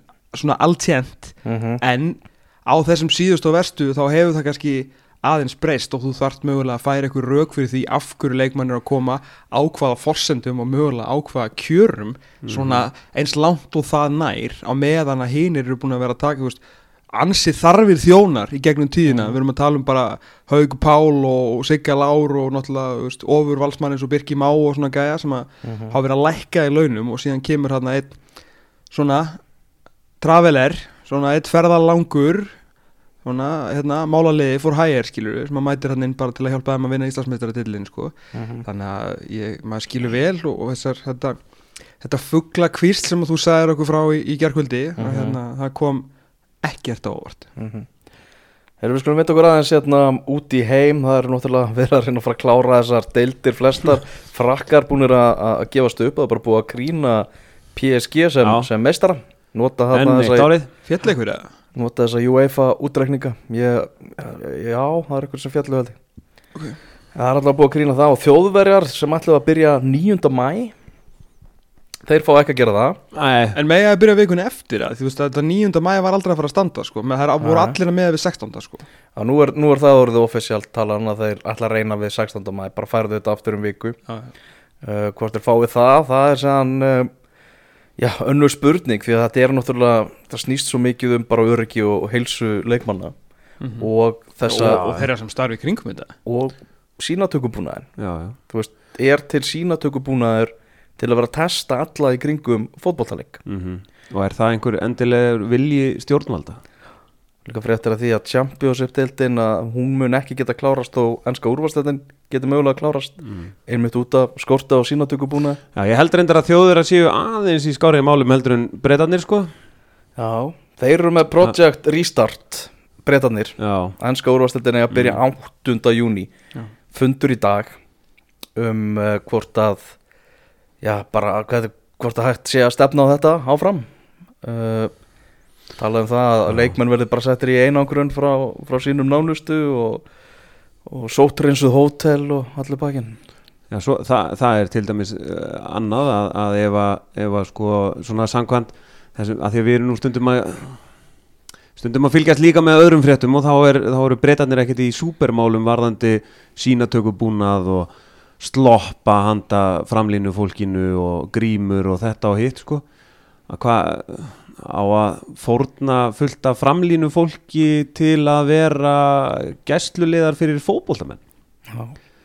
Þetta eru, þetta eru stóra spurningar og ekki vildi ég vera hana, til að svara þeim sko það er búið að senda, búið að senda Project Restart bæklingin á uh, öll liðin Mm. og þannig að þau eru að kynna sér hann eða hafa verið að kynna sér hann undarfarna daga að þetta verið síðan rætt á, á fundinum uh, sko, en það náttúrulega stendur síðan samhliða þessu öllu að ennska úrvalstildur náttúrulega fer ekkert af stað nema að, eins og Benni segir að þú veist, hérna að bara ekki heilbriðis yfirvöld leggji blessun sína Já, bara Alma Möller Yfir fyrir að breyta þarf að segja it's a go Já, sko. það er nefnilega svolítið þannig og þeir náttúrulega vita ekkit hvað verður núna um, um þetta útgöngu skástrík samkomubann, hvort að það verði framlengt og hversu lengi það verði framlengt. Boris eh, sá, var náttúrulega hvað, var ekki ykkur þrý, fjóri dagar sinna hann tók hérna eldræðu að hann ætlaði ekki að fórna þeim góða árangri sem að þau höfðu náð ég veit ekki alveg hvað góða árangri þau Já, hafa náð já, já. en svona Já. betri árangri en þegar hann lokaði augunum hann í mars uh, eða februar mars sko og mætti ekki einu svona á, á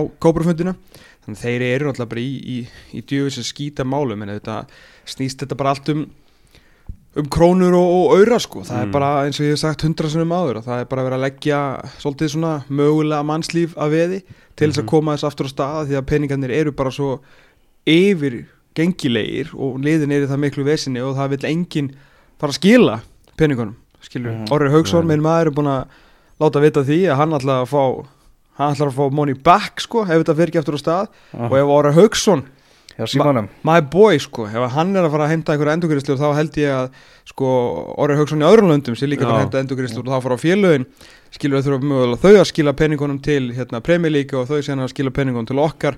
Og þetta er uh, domino sko keðuverkun sem að eh, League vil alls ekki að, að fara á stað sko. Svo er líka sko spurningi minna eins og Gary Neville var að segja núna í gæra að hérna, ég meina leikmenn sem eru með asma, leikmenn sem eru með sykusíki, leikmenn sem eru með svona undirliggjandi sjúkdóma Mhm. eru þeir að fara að taka þátt í þessu eða segja þeir bara sorry, ég treysti mér ekki í þetta Jú, hvað þá leikmenn, ykkar, þeir eru nú fáir en eins og með ykkur undirlíkjandi svona hjartatrublanir og ég meina, Já, þú veist, menn er alveg að spila í gegnum út af nýjustu læknavísindum, nýjustu teknavísindi Já, og þá já. geta menn auðvitað að spila knaspinu á háu leveli þráttur að vera með undirlíkjandi svona kvilla Mhm. en þú vil síðan ekki fara að fá COVID-19 ofan í það sko.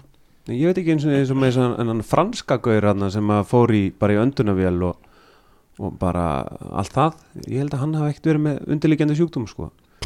Á, á öndunum vel, við erum að læra það nú síst Ah. Á Á öndunarvél. Þetta eru tvö er búin að kenna okkur. Já. Herðu, Joe Anderson sem er borgarstjóri í Liverpool áhugaverð umæli frá honum í gerð þar sem að hann sagði lögreglu veldi í borginna hafa áhyggjur, ég hef líka áhyggjur. Hann vil bara fara að fórta með frakka og bara slaufa þessu og bara krína Liverpool meistara hann segir Já, að hann vill, hann vill það sem sagt, ekki bara slöfa þessu.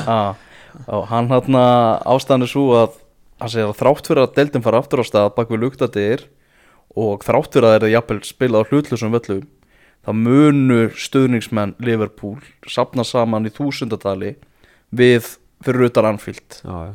þú veist þegar þeir eru að tryggja sér þennan langþráða titil. Mhm. það munu verða hópamyndanir í borginu og bara fullir það. Hann segir ekkert ég held það, það mun verða þannig. Það Og- þekkir sitt fólk. og það verður erfitt fyrir lögreglu að, að halda mönnum Já, í, í réttri fjarlæð og sagði bara þetta gæti endan með hreinum ósköp Já, þú vilt meina að stuðnismenn Liverpool eftir að hafa beðið í áratugi þrjá ha. eftir eh, stóra titlinum að þeir munu ekki taka fögnuðin á Zoom. Já. Já, já Joe Anderson Joe vill Anderson vil menna það. og ég, ég er sammálunum Já, já, ég, ég meina 30 ára byli þá náttúrulega ferð út á út á Anfield og skálar þá- jafnvel þó að þó að þetta sé hérna fjartitill. Já, ekki spurningi, ég meina, þú veist á- þó að þeir kannski vissu ekki af þessu þá, að má ekki gleyma því að að vestmanni er náttúrulega bara lokuðust frá umheiminum eftir að allir voru í skrúustleik hérna yfir byggarústaleiknum Mhm. fattur þú veist, þar sást hvað svona fögnuður og hópamyndanir þar sem allir er að faðmast og kissast og knúsast yfir einhverju svona, þú veist, í einskeri gleði þar sem enginn getur stoppað sig. Mm þú veist, meina, það bara, vestmanni það var sett bara stoppskilti þar. Meina, bara lífi stoppaði í vestmanni vestmanni, heldur það geti ekki gerst í liðbúl líka þegar allir fara hann að sleikja ennið á hverjum öðrum, fagnandi titlinum eftir 30 ár. Já, láta eplasnafsgönguna flöskuna ganga á milli segi Já, og flautuna að hún komi frá Itchl Já, akkurat. Heyrðu að við þarna letum íslensku þjóðuna vita því hvernig eh, spila á fyrstu umferð Pepsi Max tildarinnar Já, ég meina, við erum bara að gera þetta fyrir ykkur. Það er þannig. Nú er bara spurningin, erum við að fara að sjá öðruvísi leikreglur? Við erum náttúrulega að fara að sjá kannski, já, já bara að var fáa áhörvendur í, í fyrstu leikjunum mm. búist því að verði 100 manna samkomubann hérna í, í gangi. Mm -hmm. uh, þegar þetta fer allt saman á stað. Nú er talað um það að FIFA sé að skoða að leifa fimm skiptingar. Mm Dóttarlega hugmynd sem að Bjarni Jó kom fyrst með í útastættinu með okkur og, og bast til eirna FIFA. -hmm. uh, Bjarni var þá að, að taka dæmi um kannski fjórar ég með líst betur á það.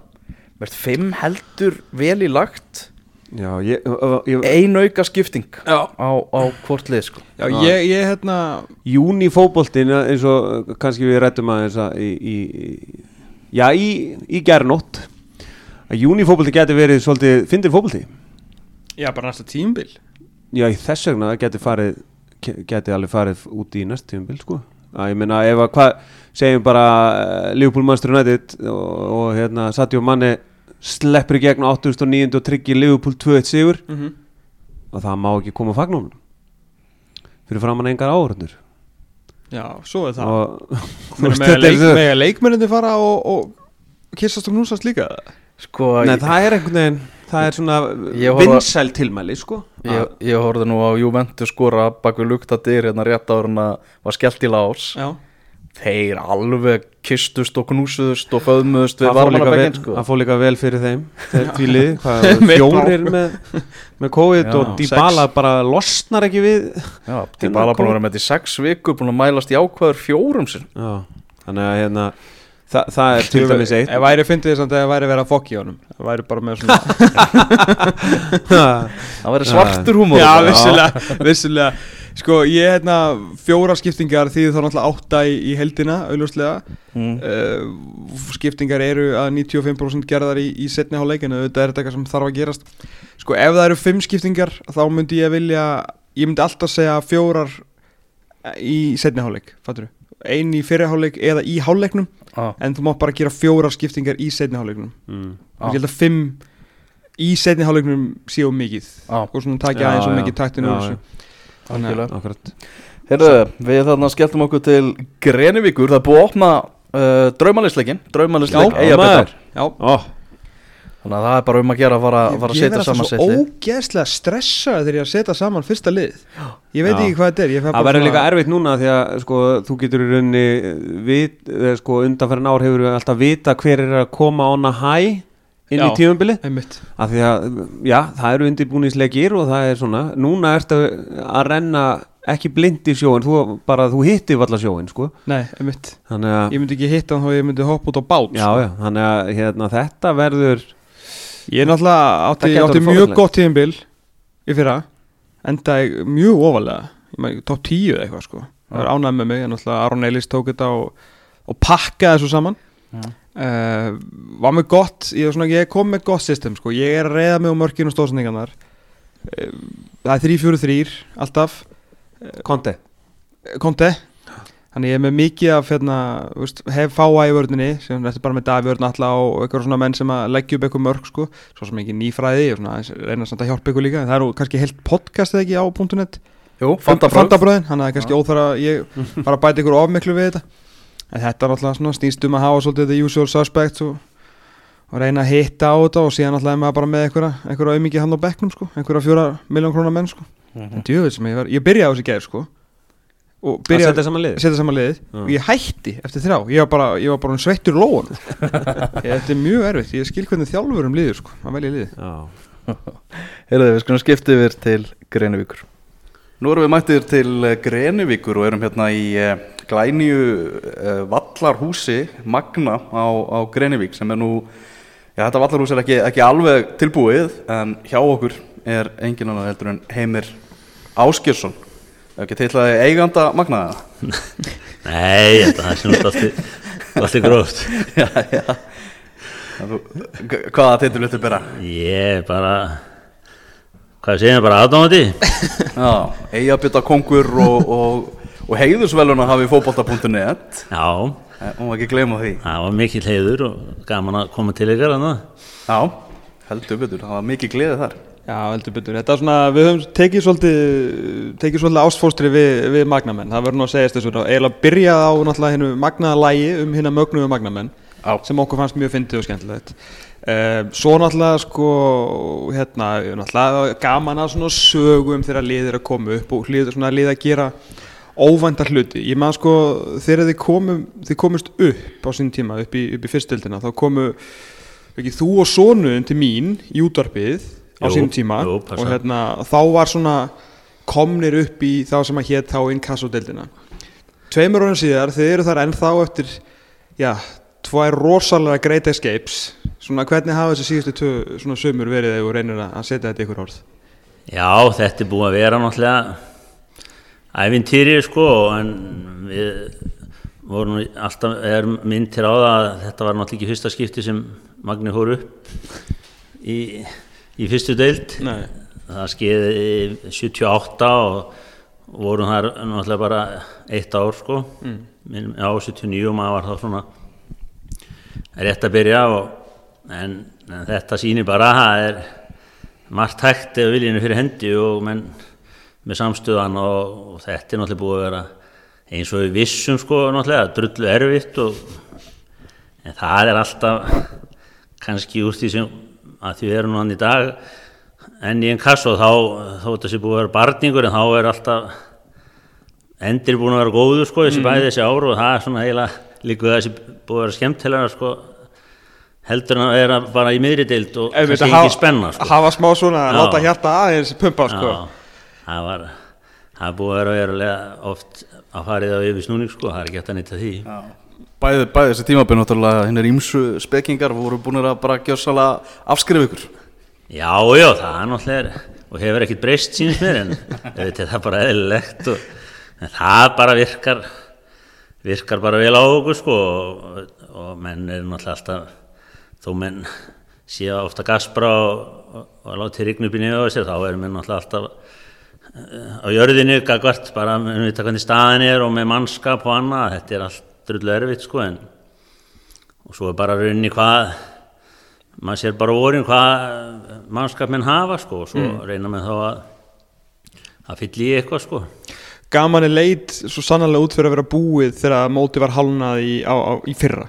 Sjö stig eftir 11 umfyrir svona, maður svona, þú veist, það hefur margir bara svona, já, ok, það er bara önnur deildin og bara svona, þú veist, fara að skera á kostnað og fara kannski að spara eins fyrir næsta tíumbil, kannski við vissum að, COVID er en það var nú svo sannlega ekki.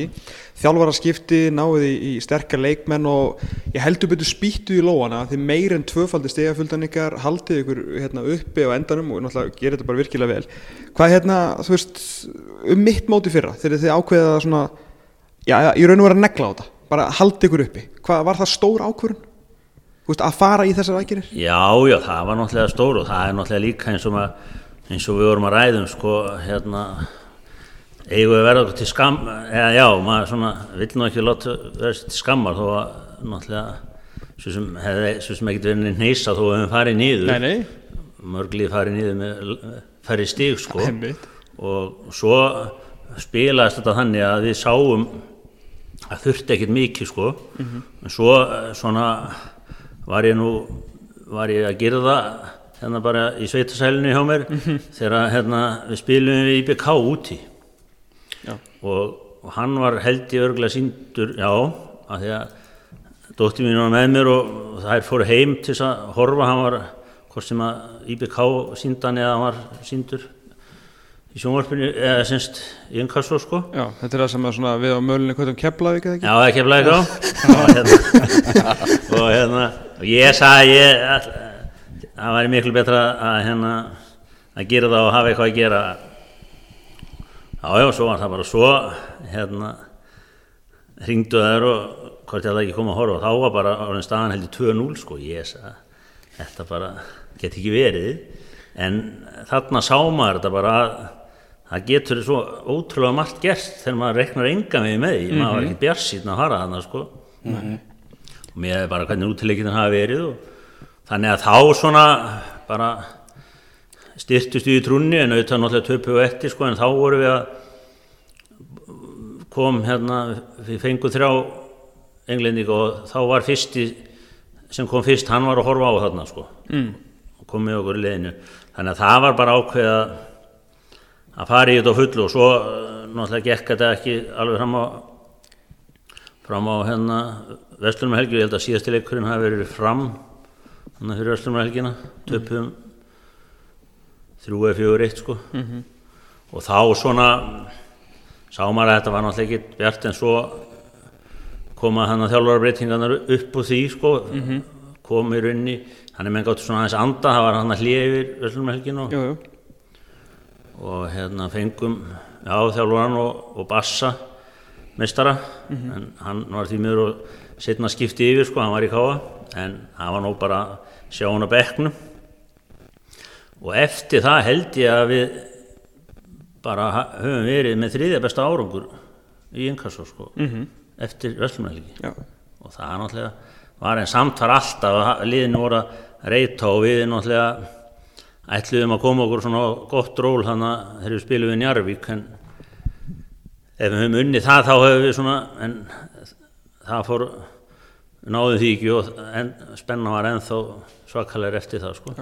Hvernig er að, hérna, þið er náttúrulega þekkist allir hérna, þú og sigur úr bæjarfélagin og þykist vera ykkur rígur hérna veit hvað og hvað. Þú veist, með svona góðan kall eins og, eins og Palla, skilur, að búin að gera allt þetta fyrir lið og svona, þú veist, að láta hann fara eða hann fer, hvernig séð viljið svona orða þetta, þetta getur ekki verið neitt sérstaklega skemmtilegt. Nei, nei, þetta er náttúrulega allt félagar manns og, og menn eru búin að náttúrulega vera saman allir þessi ára og svona sko en, en og þetta var bara hlutur og hann í rauninni sko þetta sér hann þetta og menn náttúrulega sjá sko svona andan á æfingum og annað sko hann bara taldi sér vera bara kóðin og eh, bara ekki geta meira sko þannig að að menn, það var alls ekki ítlindið en eitt svoleið sko þannig að þetta bara bara gekk sko. Já.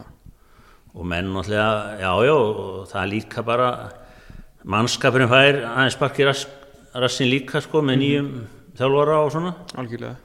og, og heppnin kemur líka aðeins með okkur sko.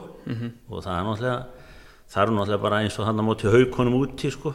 Lendum 1-0 held ég undir og, og jöfnum og skorum svo bara rétt fyrir listlokk Já, það er náttúrulega kveikir rosalega auðvitað. Uh, sá sem að tók, tekur við að Palla, Sveit Þór Steingrimsson hvernig kemur það svona til að, að þið leitið til hans? Var þjálfari, aðstofþjálfari Káa, náttúrulega? Sko, það var nú svona bara mm, stjórnin svona sem var nú mest, ég var nú svona ekkert mikið inn í því sko, en hann kemur norður upp, upprunnulega með Ava, sem við kvöldum, Orra Hjaltalín Já, og hérna og byrjar að æfa með okkur, gengur í magna sko. Og, og bara var hérna fínasti leikmaður en hann meiðist rosalega illa í náranum og hann, hann dettur alveg út sko. Já, þetta var sem sagt held ég árið sem fórum upp frekar en árið þar nú undan. Og hann er svo með okkur bara aðeins en, en fer svo bara að þjálfa á Dalvík og er þar og, og svo erum við náttúrulega bara alltaf í sambandi svona og þannig að ég held að þetta hafi verið eitthvað stjórnin hafi leitað til káa eða eitthvað svo leið sko. ég hef ekki sett mig í það, maður var aðalega að hugsa um mannskapin Já, það er náttúrulega það sem að fylgi því að komast upp í svona fyrir náttúrulega bara já, minni bæjarfjölu og náttúrulega ekki bara minni bæjarfjölu þetta er svo sem við þekkjum með fjölni. Þegar þeir komast upp í Pepsi Max deildina þá þurftu þeir svona aðeins að fara að vinna í, í sínu velli og sínu, sínu umgjörð. Og náttúrulega nú hérna þið húrruðu upp hérna glæsir stúku á korteri hérna fyrir einhverjum mánuðum síðan. Við sitjum núna í kannski ekki fullbúnu en, en svona nýju vallarhúsi. Ég menna það er nú ekki langt síðan að menn voru að hlaupa hérna við götuna. Á nú bara síðast á síðustu leiktíð. Alvöru svona alvöru sveita bolti í því. Þannig að það er svona þetta er náttúrulega fylgir. Og náttúrulega hlýtur að vera gaman fyrir þig að, sjá þetta. Ég menna þú veist þú vannst að vantilega sjálfur bara hérna spila í ykkur í mýri og bara ykkur hólar og hæðir sem að fólk var að, var að horfa á. Þetta er náttúrulega allt annað. Já, já, þetta er náttúrulega það sem eins og maður segir sko alltaf með hluti að það verður aldrei framfæri nema að gerist eitthvað sko eins og þessi bygging þetta er náttúrulega náttúrulega glóru lausta svona íþrættafélag að fara í það en, en, en, en við fórum hann magnaðir. upp og hafi aldrei verið hugsað um það sko. Að við höfum og sérstaklega sennilega hefði þetta nú verið blæðið að segja að við höfum fallið sko hann á fyrsta árinu. Einmitt. og við fengum minni mig tvö ár sko undan þá frá KSI þannig að við verðum núna eða lofuðum að þetta er klárt í vor og það verður að standa við það. Þó að það sé náttúrulega margt eftir sko en ætlum að vinna hérna mikið sjálfbóðinu núna í februar og mars en það smá bremsa Já, köttaðist út af þessu sko.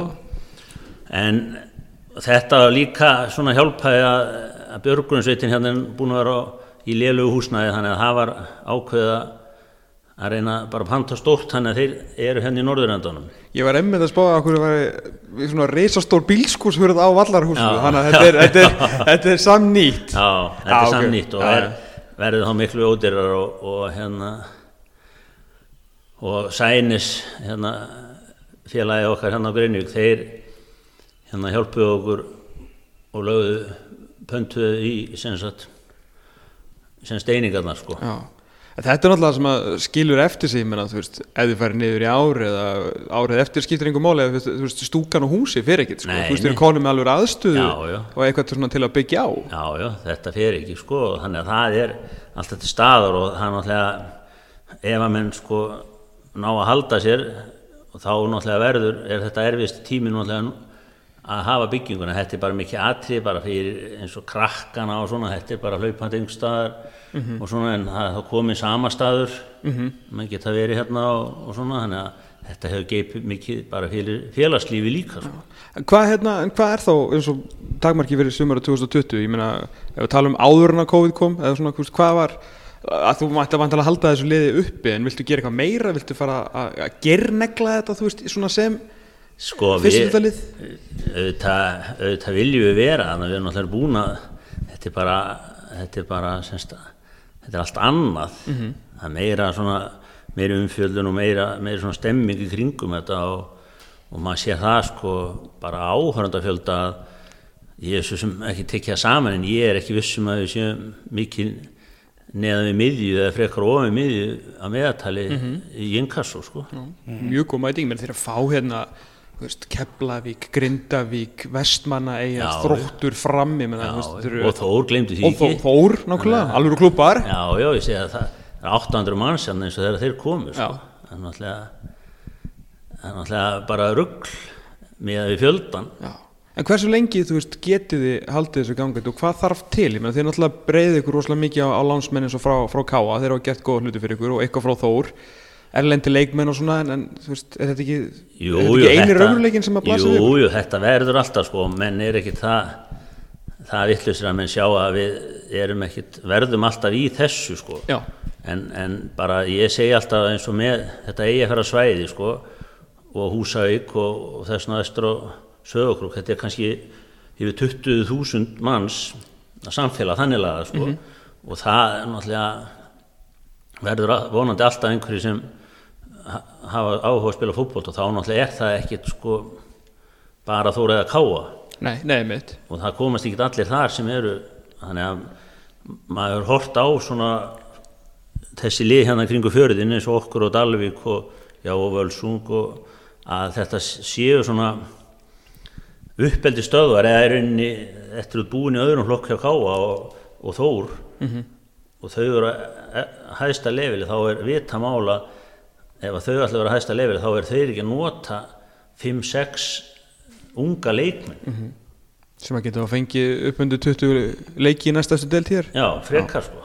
Og það er það sem margir leikmenn er að flaska á sko að, að þeir halda bara þegar þeir eru sko er annarkur spila með Magna eða, eða Dalvík sko en ekki þórið að káa þá þú veist þurfa þeir ekkert að reyna á sig Nei.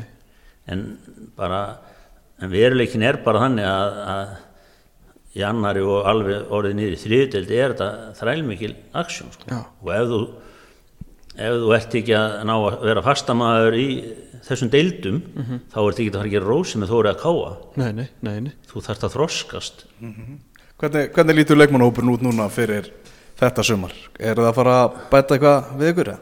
Já, það er svona verið búið var náttúrulega allt á fullu þannig áður en að þetta laðist í dvala sko. en við svona, þetta kemur alltaf að þessu við erum búin að vera með í rauninni frá því við við byrjuðum þessa vekkferð þegar, þegar við fengum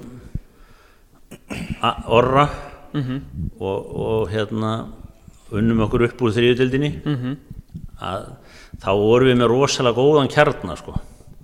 Sem var búið að vera lengi saman og, og bara góðir menn þannig að. Og svo hefur þetta svona kvarnast úr þessum kjarna og, og við mistum já fóru eins og Sveitn Óli fóru núna og svona þannig að en eru náttúrulega að koma yngri menn sko þannig að það er svona maður er svona að horfa til þess að reyna að finna einhverja svona menn sem eru með reynslu mm af því að það hjálpar þessum ungu sko og það er svona bjart þannig hjá okkur að við erum náttúrulega er að koma upp núna strákar hérna einir fimm sem eru í rauninni búin að vera að spila upp alla yngreflokkana með, með káa Já. og hérna meðan að var sjömannaboltin var sko. Já, þannig að menn, menn sjá svona reyna að halda þessu til þess að leifa þeim að, að kynnast þessu sko að vera í næsta eftir stildu í Íslandi. Það er náttúrulega ekki sjálfgefið. Nei, nei, alls ekki. Alls hann ekki það sko. það sko. En hvernig er með, með erlenda leikmenn? Er ykkur er, hvernig er bara líka sækja útlendinga kannski núna? Já, en við vorum nú búin að ganga frá sko áður en að þetta COVID þá hann að Lúi sem var hjá okkur í fyrra Já. hann kemur aftur ætlaði að koma í apríl en, en ég held að hann ve- verði menn fara að huga þessu upp um miðjum mæ sko Hvað er ekki bara að ná í hana gullfoss eða eitthvað? Jú, það, það enda með því en ég held að eiga að vera ef þeir komið sér til London þá er held ég flug hjá Íslandi er Já. en þeir þurfa að vera í hálfa mánu hérna í sótkví sko Emmett, emmett En hvernig er fyrir þið, þú veist, nennur þessu alveg, þú veist, hversu lengi nennur þessu? Ég meina, þú ert náttúrulega að reyka hérna stærstu á- í sko á Norðurlöndum og ég veit ekki hvað og hvað, þú veist, þetta er náttúrulega, þessu vinna sem þú setur og rosalega já. klukkutíma þú setur í klubbi. Já, já, en ég er nú ekki einn við það sko og ég sé- eins og þau voru að tala um sem nú ekki inn á með hvað við viljum halda þessum félaginu á hvað stalli sko og það er náttúrulega það er ekki bara leikmenni sko það er náttúrulega rundistæðan er eru þeir sem eru kringum klubbin Já. Og það eru náttúrulega búið að vera sko 5-6 manna kjarni sem er á kafi í þessu sko Já. stjórnin eru 5 og hann náttúrulega kvílir mest á þeim sko og svo er, er Gísli Gunnar hann er svona framkvæmdastjóri Já, og, og hérna en svo er fólk sem er ná að nýta á sömrin eins og kringu leikin og annað sko. og þetta er inni byggist bara á þessu sko. Já. og þetta er allt sjálfbóða vinna og við til dæmis erum með ólíkt ólíkt öðrum klúpum í þessum bæjarhölum til dæmis því sjáu íþróttavöllin Mhm. og, og hérna félagi sér alfarið um hann. Já, ok. og að koma honum í stand og ég var að panta fræ í hann og, og það, þetta er bara 2-3 miljónar ári kostnaðurinn við völlin Já. Hverjir hver hérna eru það sem að svona standa baki sem ég byrja, ég menna, það hefur nú bara hérna skilt þú veist, hvað er, hvað svo er, er, er hérna Gjögur sem er með fristjúsi hérna þeir eru svona ég er bara kolpur með þá sko Já, ég skilji. Já, Já. Eða, þannig að það er bara og þetta náttúrulega byggist á þessu og sveitafélagið náttúrulega er með þannig að fyrirtæki sem heitir Sæni sem er að hjálpa okkur í þessu sko Já. þetta er svona öflugir öflugi bakhjalla sko, Já, sem að er náttúrulega maður væri bara í þriði fjóruðild þú veist ef að þetta, menn þeirra. hafi ekki eitthvað svona Já.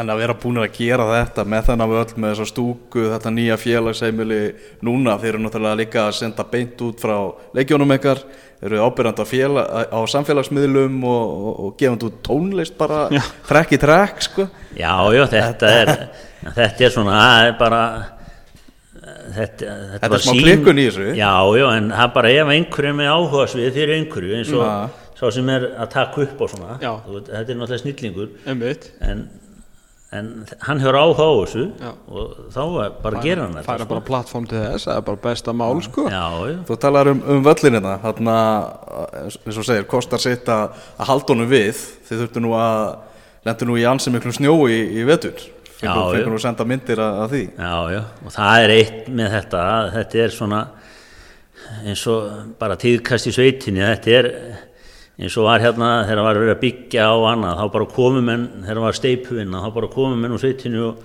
og menn hjálpu bara hvora öðrum, sko. Og hérna Finnur, félagi minn, Aðabjörs, hann er náttúrulega innan á fyrði, sko, og menn voru allt, að leika sér saman á snjóslega og svona og þetta er bara sveitamæður og maður bara ringir í hann, mm. hann bara kemur og reddar Einmitt, einmitt. Þetta er náttúrulega ekkert hægt sko, ef, að, ef allt er reiknað í bótt þá getur þú glimt þessu sko. Já, það, það þurfa einhverjum að ég gera er bara ekkert að gera með tækin ég kem bara þannig, að, þetta þannig að þetta er ekkert hægt öðruvísi sko.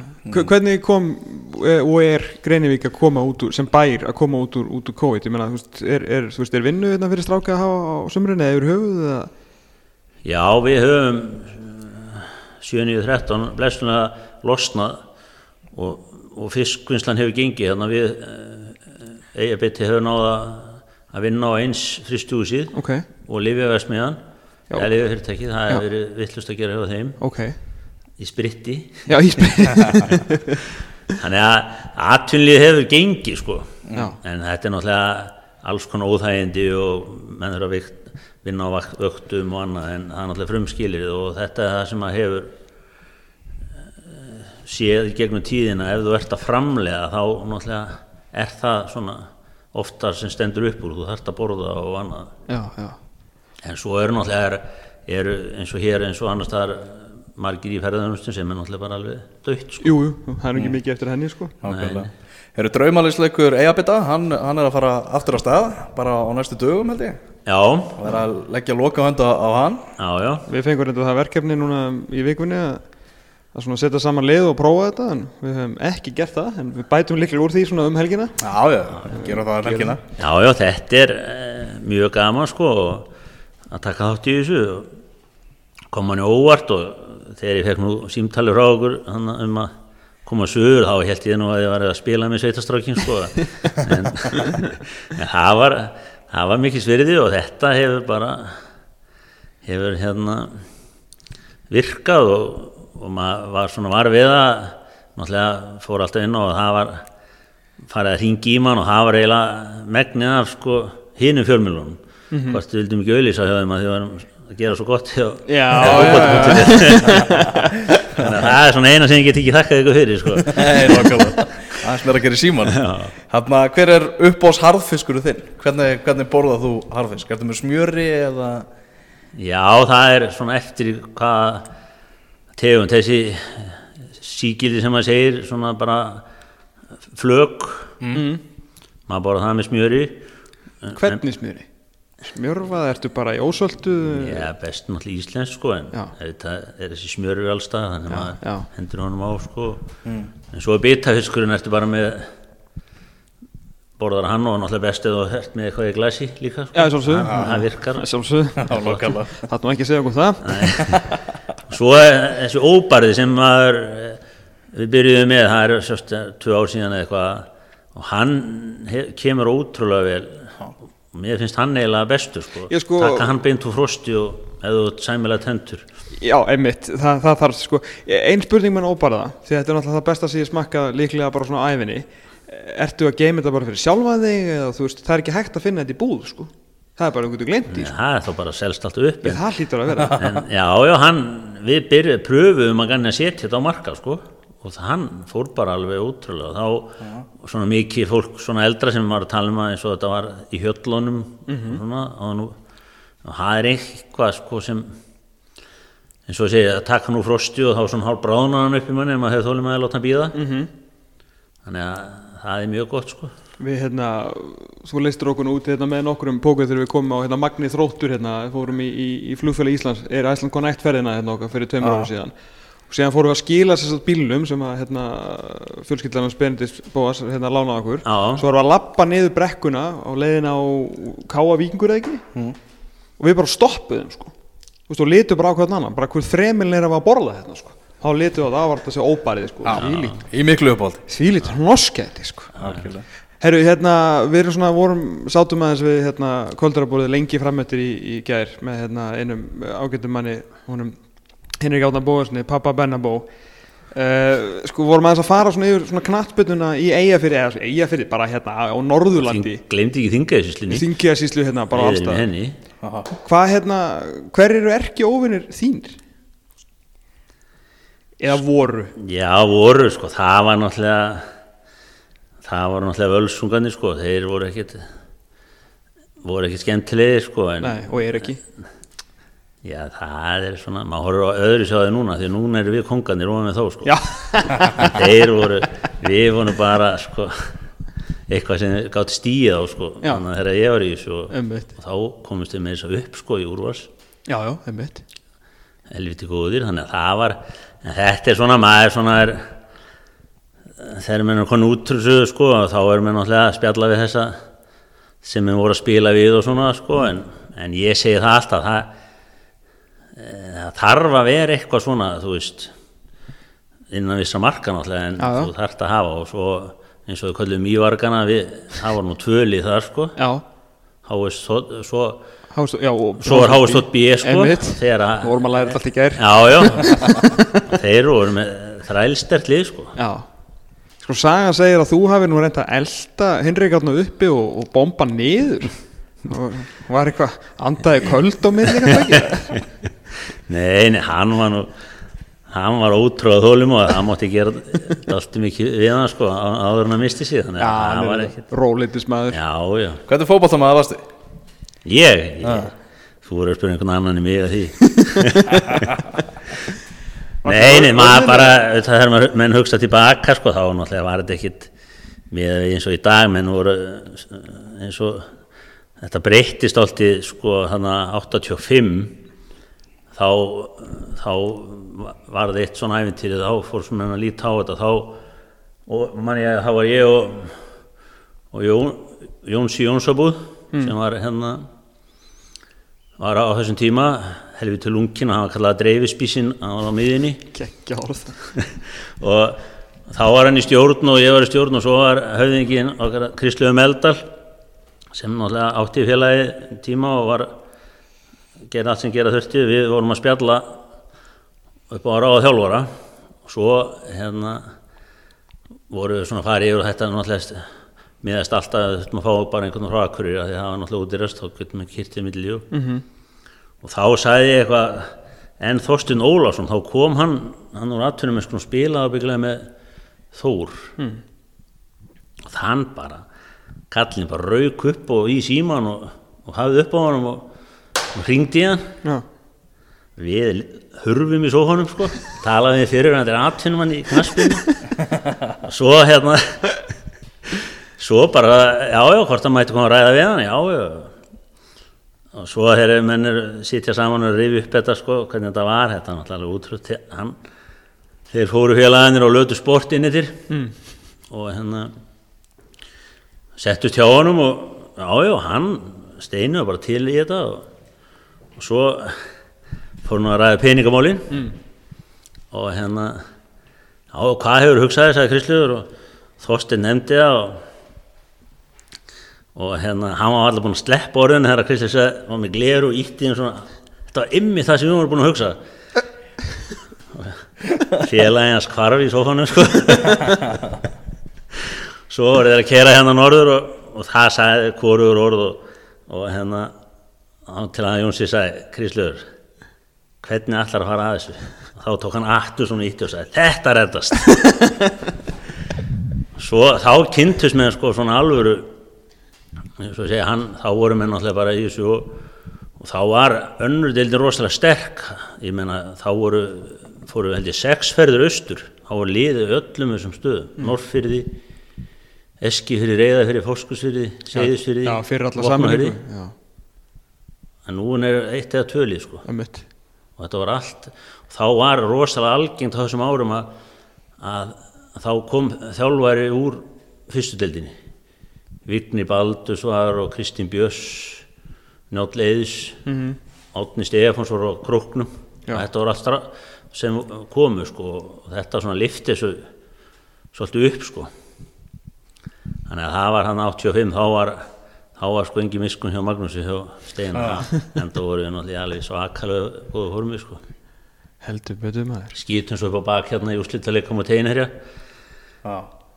Að komast upp Já, þá eins og maður segið þegar maður er nexlaðar á liðinu núna sko þegar maður missa hausinn þá við höfum bara ekki taugar í það sko. Nei. Þú, já, þú svona lætur það að þér heyra svona á leikjum eða nú já, já, það, er ástriða það er ekkert gaman að þessu öðruvísi Nei. ég er nú ekki eins og búin hekslast á mér og fór á fyrsta skipti að leika á Englandi í fyrra. Já, á Liverpool og Tottenham. Og þá var maður á réttum stað sko. það var ekki verið að horfa á mann þá var maður bara innan um álíka menn Já. sem voru bara villisir og það, það fannst það einhver maturhört þar sko. nei, nei, þetta er Það er svona, er á, á, svona oft svona ákveðin þögg sem að ríkir svona í íslensku fyrstudöldinni já, já, menn auðvitað missa sig og Það sjálfs það er bara eins og það er. Ég segi það sko. Já, steytist í, í, í fyrstu deildina. Það er, þetta er alltaf, alltaf að koma. Já, ef að ljúka svo á, á stuttri sögu sem ég hef nú sagt áður en Já, getu, getu við sagt hana annaðlega þú veist Erik. segja, segja aftur frá Erik mínu manni, Cantona. Ekki klárið, klárið af því. Sko því að núna alltaf sko segjum við enga fréttir eiginlega þess að dana við erum bara í uppriðunum, íþróttafréttir eru bara í uppriðunum og þannig að ég hlýt nú að fá Íþrótt á minningar íþróttaminningar þannig að við hljótum að, hljótum að þurfa að reyfja þessa sögu upp svona fyrir líka, get ekki ekki allir hlustundir sem að heyrta hana. Þannig var nú mál með vexti að hérna fyrir tveimur árum síðan fyrir heimsmestramóti í fótbolta 2018 á- kom Erik Cantona til lands uh, við fleiri menn ágætast félagið minn í dag sem heitir Jean-Christophe Lebrun sem er sem sagt pródúsentin og bæði skrifar allan texta á hann í kantona og sér um upptökur og öllu hans efni. Og hérna einhvern veginn rampaði hann á mig og ég fekk það skemmtilega verkefni að svona sjá um þá félagið minni voru hérna á Íslandi að taka upp heimildamind fyrir HM sko. og hérna var með þeim í 2-3 daga og hafði gagn og gaman að og síðan endur við þetta á Laugardalsvelli. Hann var að taka viðtal við Arnur Guðjónsson og uh, ég hérna vorum að kveðjast og ég afhendi honum þrjá boka af uh, eigabita, harfiski, vildi nú leysa hann út með einhver íslensku? Og sagði honum svona frá því að hann hafði mjög mikinn áhuga á land og þjóð og sérst bara sögu, Ok. sérstaklega reynda menningu listum, hann er mikill málverkamaður og svona. Já. og, og Guðni T.H. fósetti spurði hvort að ég ætlaði nú ekki að fara með hann á hérna, listasafn Reykjavíkur, ég sagði bara þvert nei, uh, datt það ekki hug en ég skildi fara með hann út um allt annað. En ég sá hann svona að þetta væri já, að að bakvið þennan bakvið þennan beat and fish þennan harðfisk væri skemmtilegasta fótboltasaga þess árs allavega. Þegar að litli Magni frá Greinivík væri komin upp í næstæðastu deild og þannig að hann væri nú ekki bara að borða einhvern íslenska mat, það væri skemmtileg fótboltasaga þarna bakvið og maðurinn sem að ætti þetta fyrirtæki væri svona potturinn og pannan á bakvið þetta og svona svona sæjum, svona kannski, segja helstu launagreislur, ég gæti nú ekki verið að útskýra þetta of mikið. Þannig að hann leiti á mig og, og spurði fá þér borgað í harfiski og ég hugsaði ég ætla ekki að leiða þetta, þetta frekar. Þannig einhver staðar í Lissabon situr Erik Cantona í dag vitandi það að leikmenn Magna fá borgað í harfiski já, já, það er margt við þessu ég segi það, þetta er hreint brótin Fyrir frábært. Algjörlega. Heimir, bara virkilega gaman að takk fyrir að taka mót okkur. Heimsækja okkur, heimsækja þig. Já, bara mín var ánæðin og ég bara dáði stakur að koma hérna út á land og, og sjá fallega veðrið og völlurinn ekki enn orðið fallegur en Það kemur. Það kemur, Fljótt að breytast núna maður. Já, já, og þetta hefur mikið að segja fyrir fyrir knaspinu og þið eru búin að lifta segi ég og annan stall með þessum, þessar umfjöllun og svona. Þetta er, þetta er ótrúlega miklu fleiri sem fylgjast með þessu heldur um að heldur í rauninni sko. Já, ég held að það sé ekki, ekki nokkuð spurning sko. Láttu ríkistjórnarna vita af þessu. Já, nákvæmlega. Já, já, það, það er mitt að segja En frá uh, núverandi og verðandi glæsilegu vallar húsi magna manna á, á Greinvík þá hvað ég við allavega hérna í bíli heimir takk aftur móttökurnar og gaman spila við Já, takk sömulegis kjærlega Þú ert að hlusta á fótbolti.net á exinu 977 Já, halló Akureyri og nágrinni þar að segja, Greinvík. Já, þessu hlaðarpi er þá að, ljúka hjá okkur frábær ferð eh, Já, frábæri ferð lokið svona hlaðvarpslega þó hún séð hvað, svona rétt hálnuð í raun og veru hjá okkur, við erum að vera hér í, í stórkostlegu yfirlæti í uh, stuðlum hér í uh, ættar óðali, Bennabó uh, hér er eindislegt að vera hérna eru bara pallbílar rifflar uh, náttúru, gjáir skiluru fiskur eða sagt, silungur og bátur þetta er svo mikil þetta er svo mikil sæla að það Já. er eiginlega bara ekki, ekkit eðlilegt. Fullur ískapur af, af svona Góðum að metri sinni maðurinn. Já, já. Lífsins listi held Lífsins að- listi sendum. Ég held að sko sem sérstaklega talsmaður mjög í þessu hlaðarpi þá mæli ég bara eindreið með að, að landsmenn drífi síðan á norður Fara á pizzastæðin sem er opið 6 til 8 Já. Núna? Já. selur bara mjög allt í lagi pizzur á, á ógeðslega háa verði. Já, og hérna, en ég meina bara er- segi það. En þetta er búið að vera algjörlega geggjað. Gaman að hitta heimi, náttúrulega er heimir mikill aðdáandi fótbolti.net sem að hérna, og við náttúrulega miklir aðdáandur hans. Já. Það eru hestaferðir og velsliðaferðir og það er ábyggilega velsliðaferðir fram til sko seft, nei, hérna ágúst. Greinivík Já. veit ekki af þessu COVID sko, hann náttúrulega fiskast og fiskast og svo berja þær fiskin í harfisk og og, og, og stundum óbarinn Jésús almáttur, ég ætlum ekki að ljúga því að heimir leist okkur út með, með smá gjöfum uh, en það ég verið mjög heiðalug með það. Eini maðurinn sem getur keft mig, það er Heimir Áskjörsson hann kaupir sem bara með harfisk sko. Já, og hérna og ég elsk fíla líka bara það að Heimir Áskjörsson vakna á móðana, hvað er hann gammal 50 ára eða eitthvað, cirka bót já hann, er, nei, hann, er, hann er fættur er hann ekki fættur 50 Já, ég meina, hann lítur út úr svo miljón dólar já, já, já. Hann vaknaði líka bara hverjum mótni Við hittum hann á miðvíkudegi mm. Og bara sleikir þetta aftur. Já, Þetta er ekki flókið. Eins og þú veist, kongurinn sem hann er sko. mm Þannig að þetta er búið að vera Indislegt, magnaður, magnamennu þetta Konum með stúku, konum með hérna Konum með hús.